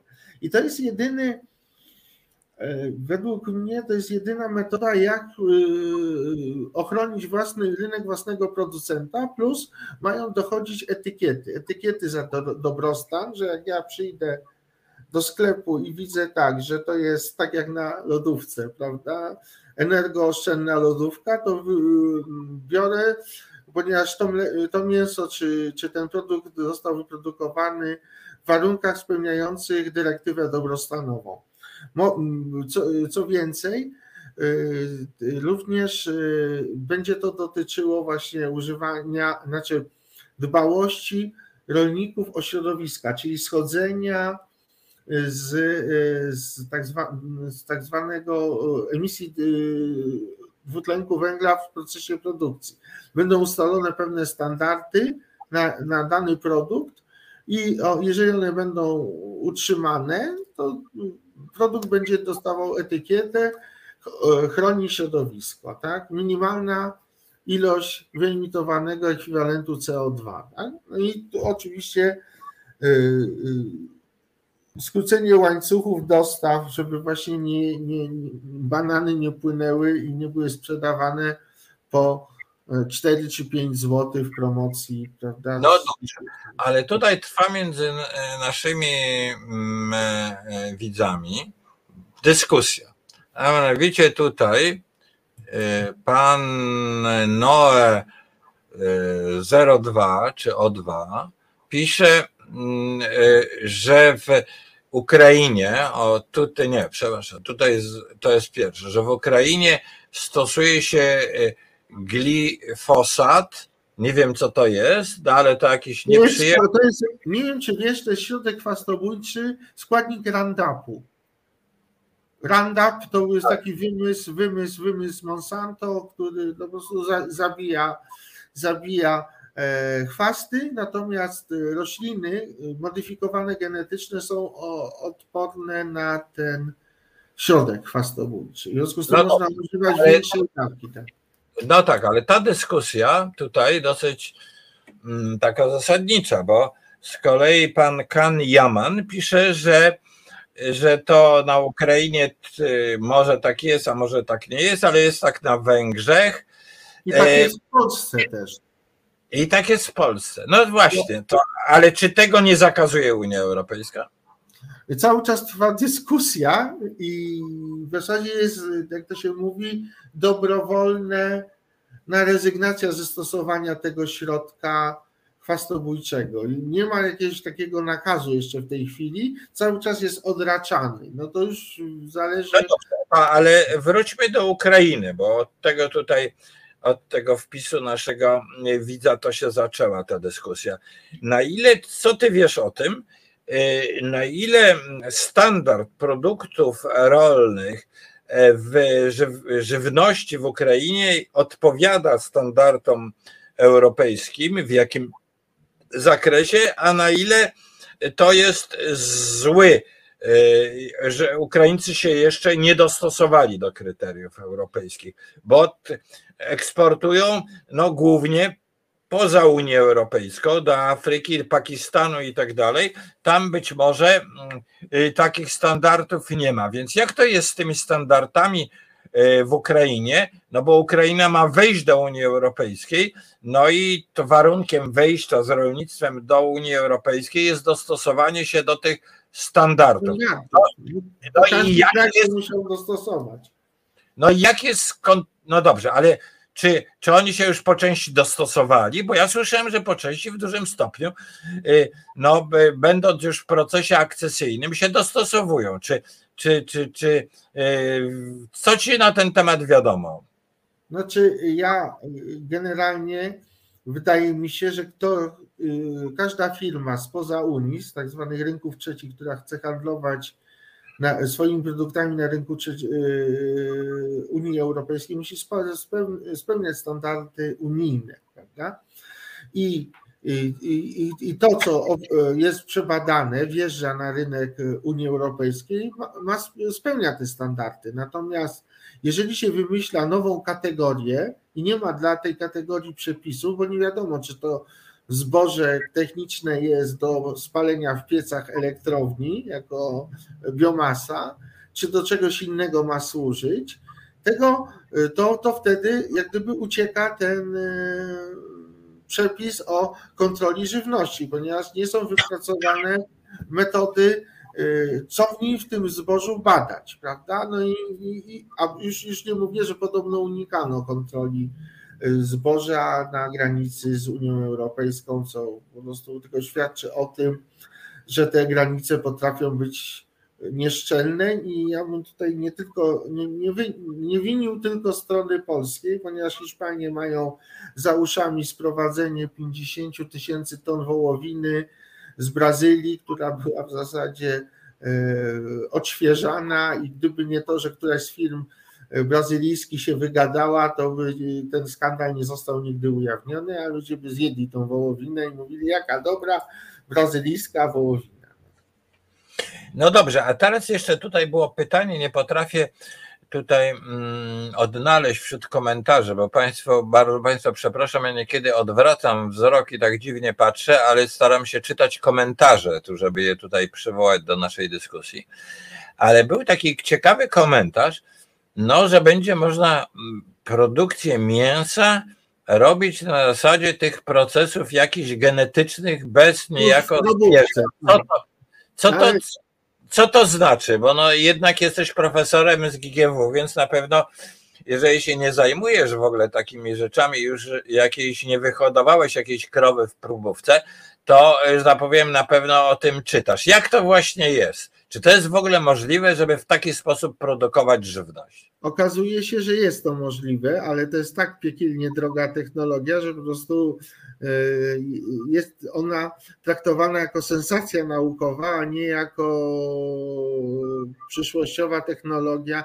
No bo co by się musiało stać, żebyśmy musieli namnażać komórki mięsa w probówce? No musiałyby zginąć zwierzęta, tak? Czy musiałaby być technologia znaczy katastrofa ekologiczna na jakąś wielką skalę. No. A I kto by wtedy kupił tą probówkę, probówkę mięsa? No, kto? No, milionerzy, tak? Garstka ludzi, może 5% ludności świata. Więc znaczy... to, jest, to, jest, to, są, to są tak zwane, według mnie, sensacje prasowe, które y, naukowcy mają to do siebie, że lubią się popisywać, na przykład było modne klonowanie, no to włoska, włoskie jakieś laboratorium mówiło, że sklonowało człowieka, co nie było prawdą. To parę, dostali zezwolenie na parę komórek e, zarodkowych i, i, i skończyli doświadczenie na jakichś tam 18 czy 32 podziałach tej komórki. No dobrze, ale teraz tu był taki ciekawy wpis mm, e, z kolei, który jest e, e, moim zdaniem, mm, e, przepraszam, tutaj gdzie to, żebym ja go pokazał Państwu, o ten, a mianowicie, czy, znaczy, na cała jest ta dyskusja momentami nieco głupawa o tym, że mm, Unia zakazuje mięsa, no i ta prawicowa prasa trąbi w to, że będziemy jedli robaki i tak dalej no to, no to są kompletne głupoty i chęć zniechęcenia do Unii po tej stronie jest bardzo silna i każda brednia będzie powtarzana, ale teraz na poważnie. Na ile są jakieś źródła żywności, których no nazwijmy są, są alternatywne, czy też na ile sięgając do innych kultur i tak dalej, będziemy jedli coś, do czego dzisiaj w Europie, e, w szczególności w Polsce, jesteśmy zupełnie nieprzyzwyczajeni. Na ile to jest możliwe i na ile takie badania są prowadzone?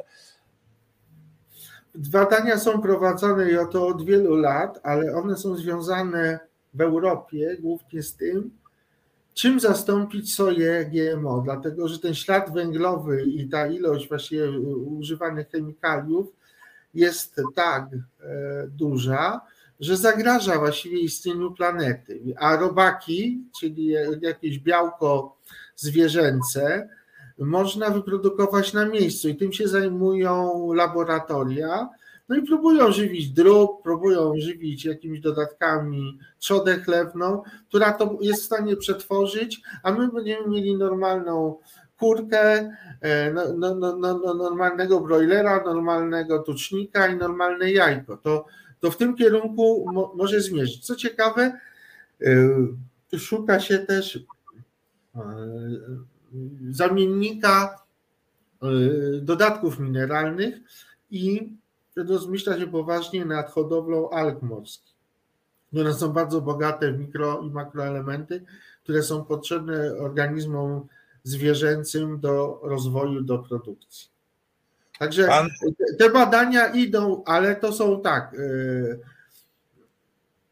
szuka się zamiennika, ale w dalszym ciągu importuje się soję, prawda? No więc no, na, na, teraz Ukraińcy będą próbowali być dużym potentatem w uprawie soi, ponieważ u nich warunki klimatyczne są sprzyjające i tam można parę ton soi, czyli dwa razy wyższe plony w porównaniu z naszymi osiągnąć, bo w Polsce też się próbuje e, uprawiać soję. To są już e, technologie, które są znane. Poza tym wyselekcjonowano soję odporną na niższe temperatury. No, mm, ale tutaj masz pytanie od groźnie się nazywającego naszego widza. Dlaczego produkcja mięsa z próbówki jest tak droga? No, dlatego, że trzeba zorganizować całe laboratorium z mnóstwą ilością ludzi, a dostaje się próbówkę mięsa. To jest skala. To jest y, e, efekt skali to y, ja nie wiem, w każdym razie y, nie, czy, czy to ten, wejdziemy w ten efekt skali, czy jednak rynek odrzuci. No, no bo to jest tak jak tą mąkę ze, ze świerszczy. Niby ją można kupić, ale czy ktoś z Państwa kupił mąkę? Ile ona kosztowała? 90 zł za kilogram? Czy to jest warte tego? Czy, czy lepiej kupić mąkę za 5 zł, no już taką super luksusową za kilogram i zrobić sobie porządny tort? No tak, to jest wytłumaczenie, ale teraz zróbmy małą taką przerwę, bo jak Państwo pamiętają, nasz program jest sponsorowany, mm, czy też producentem, tak się to tutaj nazywa, przez Towarzystwo imienia Tadeusza Mazowieckiego. Y, jesteś członkiem zarządu. Już nie. Już nie, aha, w poprzedniej kadencji byłeś, tak? Tak. Y, no właśnie, to jest niewielkie towarzystwo, liczy 40 parę osób, tak? Ale zapraszamy, A... zapraszamy do uczestnictwa w spotkaniach, prawda? No i jego zadaniem jest pamięć, pielęgnowanie pamięci o Tadeuszu y, Mazowieckim, E, no, którego e, ja też jestem członkiem tego towarzystwa, uważamy za twórcę polskiej, jednego z najpoważniejszych współtwórców polskiej niepodległości, trzeciej niepodległości w 1989 roku. Za wybitnego męża stanu, polityka, który w bardzo skomplikowanych sytuacji E, potrafił stworzyć rząd, zaprojektować te reformy. Mm, e, no, okazało się, że długo na czele rządu nie był, ale zbudował fundamenty, na których dotychczas Rzeczpospolita stoi, chociaż mamy wrażenie, że te fundamenty są podmywane. Na całe szczęście jesteśmy w Unii Europejskiej, w związku z czym podmywać e, fundamenty polskiej niepodległości e, przez takie partie jak Konfederacja i tak dalej jest znacznie trudniej niż, niż gdybyśmy w Unii Europejskiej nie były. Ale wielu chciałoby, żeby z Unii Europejskiej wyjść, żeby tworzyć wielką Polskę.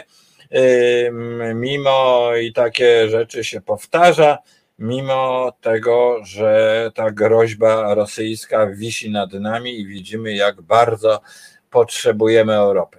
I o tym wszystkim dyskutujemy w towarzystwie imienia Tadeusza Mazowieckiego. Być może być może umówimy się z resetem, że będziemy mieli jakieś stałe audycje, żeby o tym e, rozmawiać. Poczekaj, czy miałeś jakieś bezpośrednie związki z Tadeuszem Mazowieckim? E, to e, u schyłku, znaczy inaczej. Były związki, ponieważ statut Unii Demokratycznej akceptował frakcję, frakcję społeczno-liberalną, taką bardziej konserwatywną, z, związaną y, z Aleksandrem Halem. No i była frakcja ekologiczna, do której ja należałem, którą prowadził Radosław Gawlik, który jest w tej chwili członkiem Partii Zielonych. I dzięki temu układowi myśmy mieli przedstawicieli w zarządach e, regionalnych, no i w zarządzie krajowym przedstawicielem był Radek Gawlik. No i dzięki temu też miałem możliwość y, takiego kontaktu, a E, potem, jak e, Tadeusz Mazowiecki organizował Partię Demokratyczną, to te kontakty między tą grupą zwolennikami Partii Demokratycznej się na tyle pogłębiły, że te spotkania były w zasadzie rutynowe. No i wtedy wiele rzeczy dowiedzieliśmy się od Tadeusza Mazowieckiego o kulisach przemian po roku 1989. Ja też pamiętam, były takie dyskusje z zielonymi niemieckimi, którzy nam mówią, no nie, no my nie będziemy głosowali za przystąpieniem waszym do NATO, bo przecież będziemy się rozbrajać, będzie stał będzie panował pokój, prawda, wszystkie narody będą braćmi, tak? Natomiast y, teraz, byłem ostatnio w Niemczech, to powiedzieli, to, to kolega, który jest y, członkiem zielonych, mówi, jak byliśmy głupi, przecież żeby o nasz status bogatej Europy obronić, musimy mieć broń, bo inaczej przyjadą Rosjanie i zabiorą nam to, co żeśmy wytworzyli przez te lata.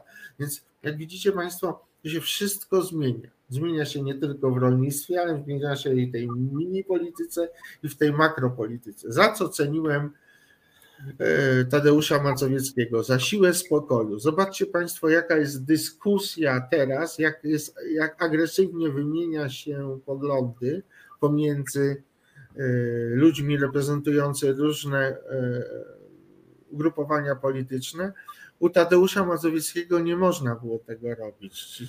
Trzeba było zachować siłę spokoju, chociaż czasami wychodziło się z posiedzenia zarządu z dużym przekleństwem, ale to nie mogło być e, użyte w towarzystwie pana premiera. To i jeżeli chodzi o nasze stowarzyszenie, my się też staramy utrzymać, jak to się mówi, nasze temperamenty na wodzy i każdy ma swoje pięć minut i możliwość wypowiedzenia się. Czy my się zgadzamy w 100% ze sobą, to już jest inna rzecz, ale tolerujemy swoje poglądy i to jest najważniejsze. No dobrze, ale teraz jednak rozmawiamy o rolnictwie. To ja mam do Ciebie takie pytanie. Czy w tym pierwszym okresie po 89 roku no, miałeś kontakt, od początku byłeś trochę zielony, prawda? Zajmowałeś się krowami i byłeś trochę zielony. Y, czy nie popełniono wobec rolnictwa jakichś poważnych błędów? Czy w tej, tym no, jakimś niebywałym rozmachu tych pierwszych reform, które jednak przyniosły w Polsce ogromny postęp i doprowadziły Polskę do członkostwa w Unii Europejskiej, o rolnictwie w jakiś sposób nie zapomniano, albo pamiętano tylko w taki sposób, że ono było takim utrudnieniem, bo no bo y, Pols, polskie rolnictwo niby zagrażało temu rolnictwu europejskiemu i tak dalej. Wracam jeszcze do tej myśli, że polscy rolnicy się zemścili i dzisiaj są y, wielkimi eksporterami do, do Unii Europejskiej. Więc czy wtedy nie popełniono, nie popełniono jakichś błędów? Czy, czy ta rewolucja Solidarności nie była taka bardzo miejska, a o wsi zapominano. No, symbolem są te PGR-y, które, o które no, nie zadbano i tak dalej. Jak ty to widzisz z obecnej perspektywy? To znaczy, można powiedzieć, że mleko się rozlało. To znaczy, prawdopodobnie był kłopot, co zrobić e, z PGR-ami, które zostały zostawione e, w czasach e, Balcerowicza same sobie. One jak gdyby mm, ludzie, którzy zarządzali y, pierwotnie zostali wypędzeni, natomiast ci, którzy y, z ramienia Solidarności, tam były takie jakieś lokalne organizacje, objęli y, funkcje kierownicze, zaprzepaścili ten cały dorobek czasów słusznie minionych. Okazało się, że nie mają pojęcia o prowadzeniu gospodarstwa, sobie wyznaczyli zbyt wysokie pensje, bo oczywiście w PGR-ach nie zarabiało się kokosów, no więc ludzie mówili, no tak, będziemy mieli wyższe pensje, to będziemy lepiej żyli. No i w rezultacie po roku działań e, większość tych, tych e, gospodarstw splajtowało, przeszły na garnuszek ziemi i tak to się do, te, do teraz odbywa. Ja współpracuję z takim ekologicznym fundacją w Juchowie, to jest zakład rolny 1800-1600 hektarów, 300 ileś krów i oni mówią, my mamy dookoła osiedla post-PGR-owskie, ale dostać ludzi do pracy nie ma. Oni żyją z zasiłków, to jest zupełnie inna kasta ludzi, najwyżej wyjeżdżają na szparagi dwa, na dwa miesiące gdzieś do Niemiec i w ten sposób sobie radzą. No, jest to dziwne, ale ale y, na przykład drugi gospodarz prywatny, który ma 300 krów i produkuje własne wyroby mleczarskie, mówisz, do niego dojeżdża człowiek nie z tej wsi, w której on ma swoje gospodarstwo, tylko z odległości 30 kilometrów, dlatego że gdyby któryś z miejscowych poszedł do niego pracować do te, tego gospodarstwa, to byłby przez wieś wyklęty, że pracuje u Bauera, nie? takiego wielkiego posiadacza. Więc są, są bardzo duże opory natury, ja nie wiem, czy to moralnej, czy psychicznej, no w każdym razie. To mentalności może. Mentalne, tak, tak, tak. Więc y, to bardziej mi się podoba wieś mazowiecka, tutaj w naszym otoczeniu, bo ci ludzie na moich oczach y, ze stad liczących 20-30 krów dorobili się stad po 200 krów, po 150, no ale z kolei oni natrafili na barierę pokoleniową, bo ich dzieci nie chciały tych krów dalej doić, w związku z tym oni mówią, no jeszcze mamy trochę sił, ograniczamy liczebność tych zwierząt, bo już tempo nie takie jak 20 lat temu, ale będziemy musieli zamknąć produkcję. I to jest tutaj jest pies pogrzebany przysłowiowy, co będzie dalej, bo to są właśnie gospodarstwa, które bardzo skorzystały na wspólnej polityce rolnej, wybudowali nowe budynki gospodarcze, nowoczesne dojarnie, zakupili wysokowydajne zwierzęta i stali się prawdziwymi producentami. No, ale się okazuje, że jest bariera pokoleniowa, a wcale nie rozwojowa, więc to się tak toczy z różnym szczęściem. Także y, jak spotykamy się z młodymi rolnikami, to się pytamy, czy wy wiążecie y, y, swoją przyszłość z rolnictwem, więc oni mówią tak, ale nie wiemy, czy nasze dzieci będą chciały kontynuować tą działalność. I tu cały czas jest problem, żeby utrzymać ludzi i tą wiedzę, którą oni mają w pracy na wsi. Ja tu jeszcze wrócę, czy my jako mieszczuchy żeśmy nie popełnili błędów. Tutaj y, za politykę rolną wziął odpowiedzialność PSL. I oni ustawiali standardy wspólnej polityki rolnej, dopłat i tak dalej. Oni jak gdyby widzieli tą wieś nowoczesną, taką, jak to się mówi, dużą, ale też nie udało im się osiągnąć wszystkich celów. Na przykład w dalszym ciągu rolnicy mają 40 hektarów w 30 kawałkach, rozrzuconych na przestrzeni e, kilku kilometrów, to zobaczcie Państwo, jaki to jest ślad węglowy, bo on musi dojechać traktorem do każdego kawałka, żeby go uprawić. A były pieniądze, była polityka scalania gruntów, ale kiedyś mieliśmy takie spotkanie, to tylko jeden zgłosił, że się dogadał z sąsiadem, powymieniali te e, kawałki, żeby właśnie scalić, żeby uprawiać większą powierzchnię. Proszę Państwa, jeszcze raz subskrybujcie, lajkujcie i komentujcie. Bardzo Was proszę również o komentarze po zakończeniu audycji. One są bardzo ciekawe i my na nie reagujemy.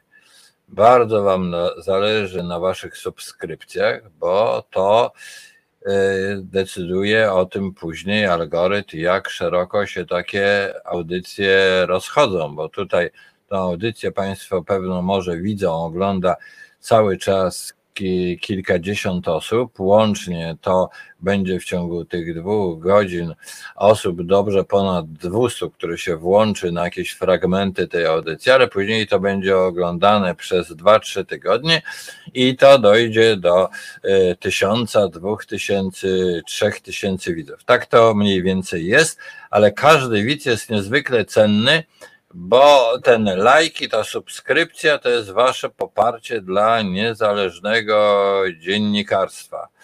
Tak, chciałbym, żebyście to rozumieli i bardzo bym was prosił, żebyście nas wspierali.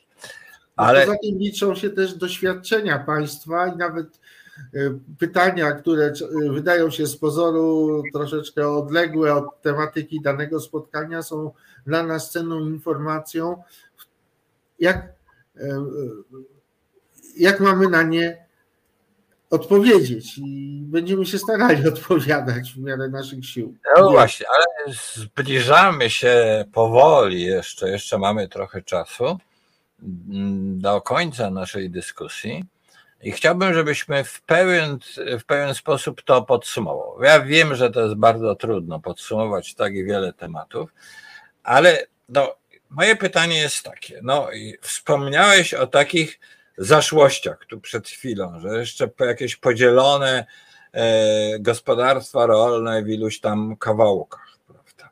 Ale z drugiej strony już wielkie farmerskie, farmerskie e, gospodarstwa. Z drugiej strony jakieś gospodarstwa, które właściwie utrzymują się pewno w dużym stopniu z pieniędzy europejskich, bo e, no, z tych dodatków i tak dalej, no trzeba e, wiedzieć, że Polska dostanie chyba w tym najbliższym okresie 30 parę miliardów na rolnictwo, no jeżeli ktoś nie zepsuje naszych stosunków e, z Unią. No ale moje pytanie jest teraz takie, co ma się, jak się Twoim zdaniem w ciągu najbliższej dekady, powiedzmy 10 lat, zmieni polska wieś? Bo jeszcze raz, e, takie napięcie między tym, co powiedziałeś, tradycyjna polska wieś, małe gospodarstwa, no, tradycyjny taki krajobraz wsi, to pewna kultura wsi, to jest wartość, y, duża wartość kulturowa, wartość tradycji i tak dalej. Natomiast y, z drugiej strony potrzeby ekonomiczne, wielkie farmy i tak dalej. Więc w jakim kierunku ta wieś będzie zmierzać? Gdzie jest jakiś idealny y, obraz tej wsi, takiej, jakiej byśmy chcieli? Nie mówię o jakiejś utopii czy jakiejś takiej bajkowej wsi, ale jakiej wsi chcielibyśmy i do jakiej wsi można zmierzać? No i jakie błędy byś teraz powiedział, największe popełniamy i co trzeba zrobić, żeby do takiego obrazu tej wsi, jakiej potrzebujemy, żebyśmy mogli dojść. Bo potrzebujemy wsi i to jest jasne, tak? My mieszczuchy, ja to mówię jako mieszczuch. Mieszczuchy chciałyby jeść dobrze za, za umiarkowaną cenę. Żeby to osiągnąć, to mm, trzeba rozmawiać z rolnikami. Jeżeli się z rolnikami nie, umawia, nie rozmawia, to potem są takie właśnie demonstracje, z jakimi mamy ostatnio do czynienia. Jeżeli rolnik coś sygnalizuje pół roku do przodu, to władza, która obecnie czy, czy, czy w przyszłości będzie sprawowała władzę, musi na to reagować. Tymczasem ani wtedy, ani teraz y, rolnicy nie są traktowani zbyt poważnie. A dlaczego? Dlatego, że nie reprezentują jednej zwartej organizacji, czy dwóch zwartych organizacji, które y, y, są obecne na Zachodzie. Tam, na przykład w Austrii, hodowcy, producenci mleka są zrzeszeni w 70% gospodarstw, w związkach e, branżowych, takich związkach hodowców, na przykład bydła simentalskiego czy bydła e, brunatnego szwajcarskiego i tak dalej. Na takie spotkania nie odważy się nie przyjść żaden parlamentarzysta, ani parlamentarzysta europejski, austriacki, bo on musi słuchać swoich wyborców. Tymczasem ja mam cały czas takie hmm, wrażenie, że żyjemy w bańkach, że, wcale, że stale jest, y, y, pokutuje u doradców rolniczych ten strach przed przednówkiem, że nam zabraknie żywności, jak będziemy ekstensyfikować żywność, czyli y, jak to się mówi, damy odetchnąć polu i zwierzęciu, to znaczy nie będziemy po dwóch latach zabijać krowy, ponieważ ona będzie już nie, nie, znaczy nie da następnego cielęcia i, i, i zakończy swój żywot, podczas gdy normalnie użytkowane zwierzęta są użytkowane przez 12 laktacji, to jest zupełnie inny standard, więc my w mieście musimy zadbać o to, żeby te standardy na wsi były e, utrzymywane. To znaczy, żeby rolnik był świadomy, ja to widzę, jest e, inaczej się rozmawia już w tej chwili z obecnym pokoleniem rolników, Oczywiście gdzieś tam z tyłu ciągle jest e, ta potrzeba multiplikowania dochodów. A dlaczego? No bo nasz rolnik ma cztery traktory, ma kombajn do zbioru zielonki, kukurydzy, sąsiad ma duży kombajn zbożowy, ale ta, e, to znaczy nasze gospodarstwa te duże są przeinwestowane, czego nie obserwujemy w Czechach, czego nie obserwujemy w Słowacji i potem dochodzi do tego, że się kończy pomoc unijna, oni zostają z tym sprzętem, na który no, naprawę nie bardzo ich stać. Tak? Pochłania to część wypracowanego zysku. I, ale to, mm, to wygląda bardziej na sprawę ambicjonalną. To znaczy, oni zawsze mi, rolnicy mówią, że jeżeli on ma 350-konny y, ciągnik, to my też musimy pokazać, że nas na to stać, więc y, to idzie w tym kierunku. Czasami, jak tu mówią koledzy z innych krajów, y, polski rolnik idzie pod górę. No i potem no, ma te kłopoty właśnie ze sprzedażą i tak dalej. Poza tym grupy producenckie zachodnie mają swoich handlowców, którzy mają swoje rynki zbytów i oni wiedzą, gdzie upchać wszelkie nadwyżki, i potrafią się wykłócić o odpowiednią cenę. I tego nam brak. Nasz rolnik działa indywidualnie. Nawet w dużym gospodarstwie pytam się koleżanki, jak negocjowałaś ostatnią cenę? Masz kontrakt na 3 lata? No nie. A na ile? No z miesiąca na miesiąc zmienia mi się cena. No to jak można cokolwiek zaplanować y, z dużym wyprzedzeniem? A wyzwania są olbrzymie, jak widzicie Państwo, są to wyzwania jakościowe, klimatyczne, no i też y, populacyjne, no bo ktoś musi na tej wsi zostać. No tutaj pan Max Fuller dopomina się cały czas o kwestię demografii właśnie. Ja przy okazji Państwu pokażę mm, bardzo ciekawy numer, poprzedni numer National Geographic z pasjonującymi y, mm, tabelami y, i danymi dotyczącymi właśnie rozwoju demografii w świecie, e, no ta w Polsce e, to jest bardzo też e, poważna sprawa, no i tutaj zresztą Tomek Sakowski wyraźnie też wskazuje na to, że to jest problem polskiej wsi, że ona się nie może wyludnić, tak? a jednocześnie ma się przekształcić. Ale jeszcze raz, tutaj y, Noe02 powiedział, dał taką wskazówkę, nie wiem czy ty ją podzielasz, że najlepiej by było, żeby całe polskie rolnictwo to było rodzinne gospodarstwa bez pracowników najemnych 50-70 hektarów. To jak ty się do tego odnosisz, do takiej propozycji?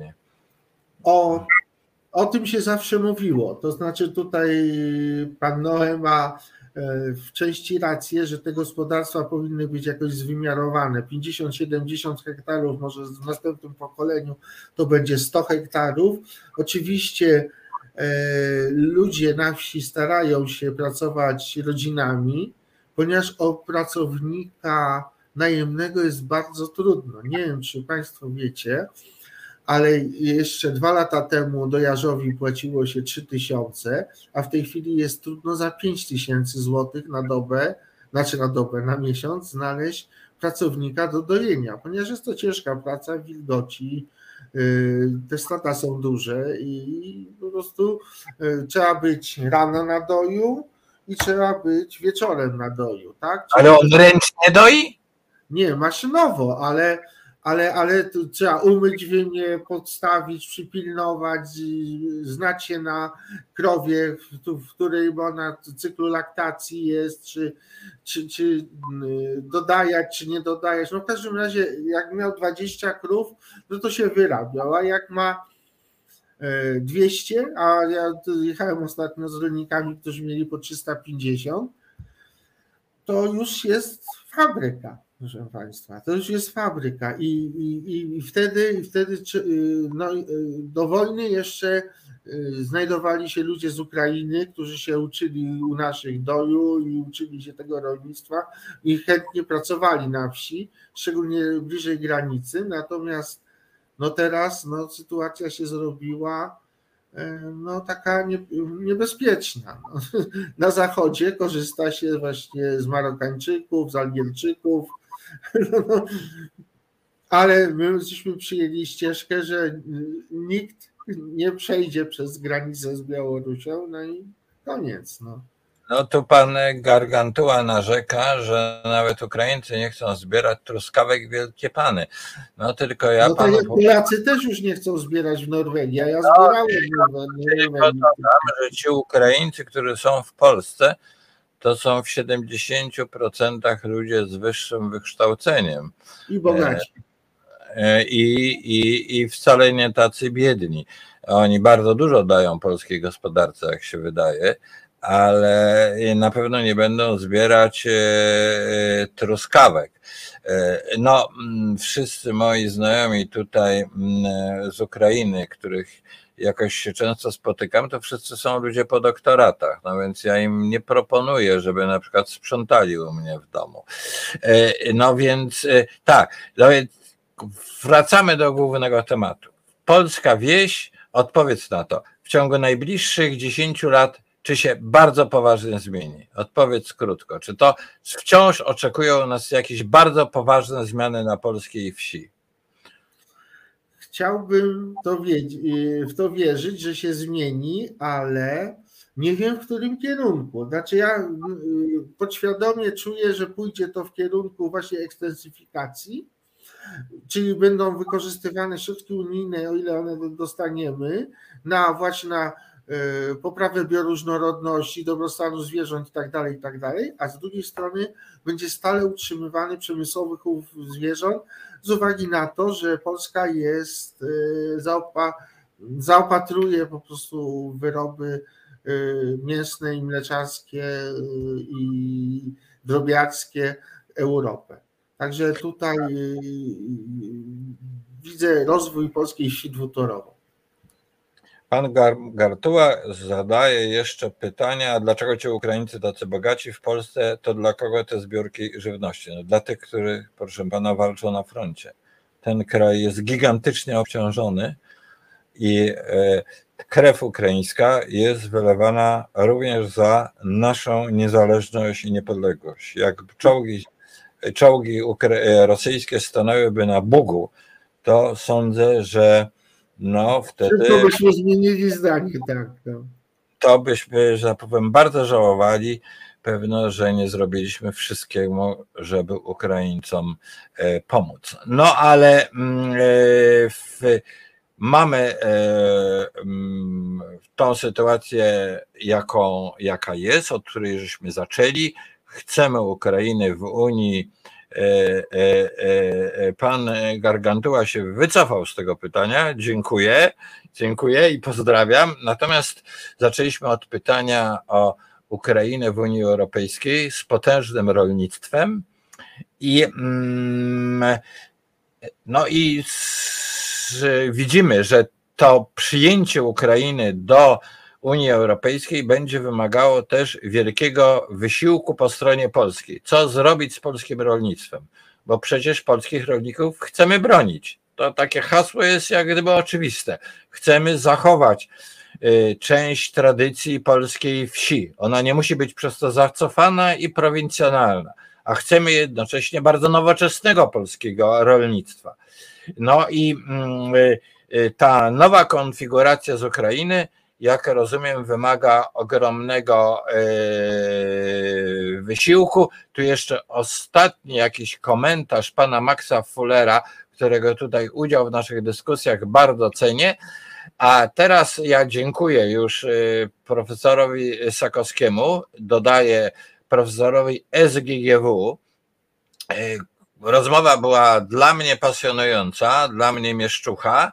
On jest mieszczuchem, ale zdecydował się studiować. Ja został profesorem z GGW i ciągnął te krowy za ogon je głaskał i badał, ile metanu wydają i bierze udział w różnych międzynarodowych konferencjach i zna się na tym rolnictwie, jak Państwo czuli, znakomicie.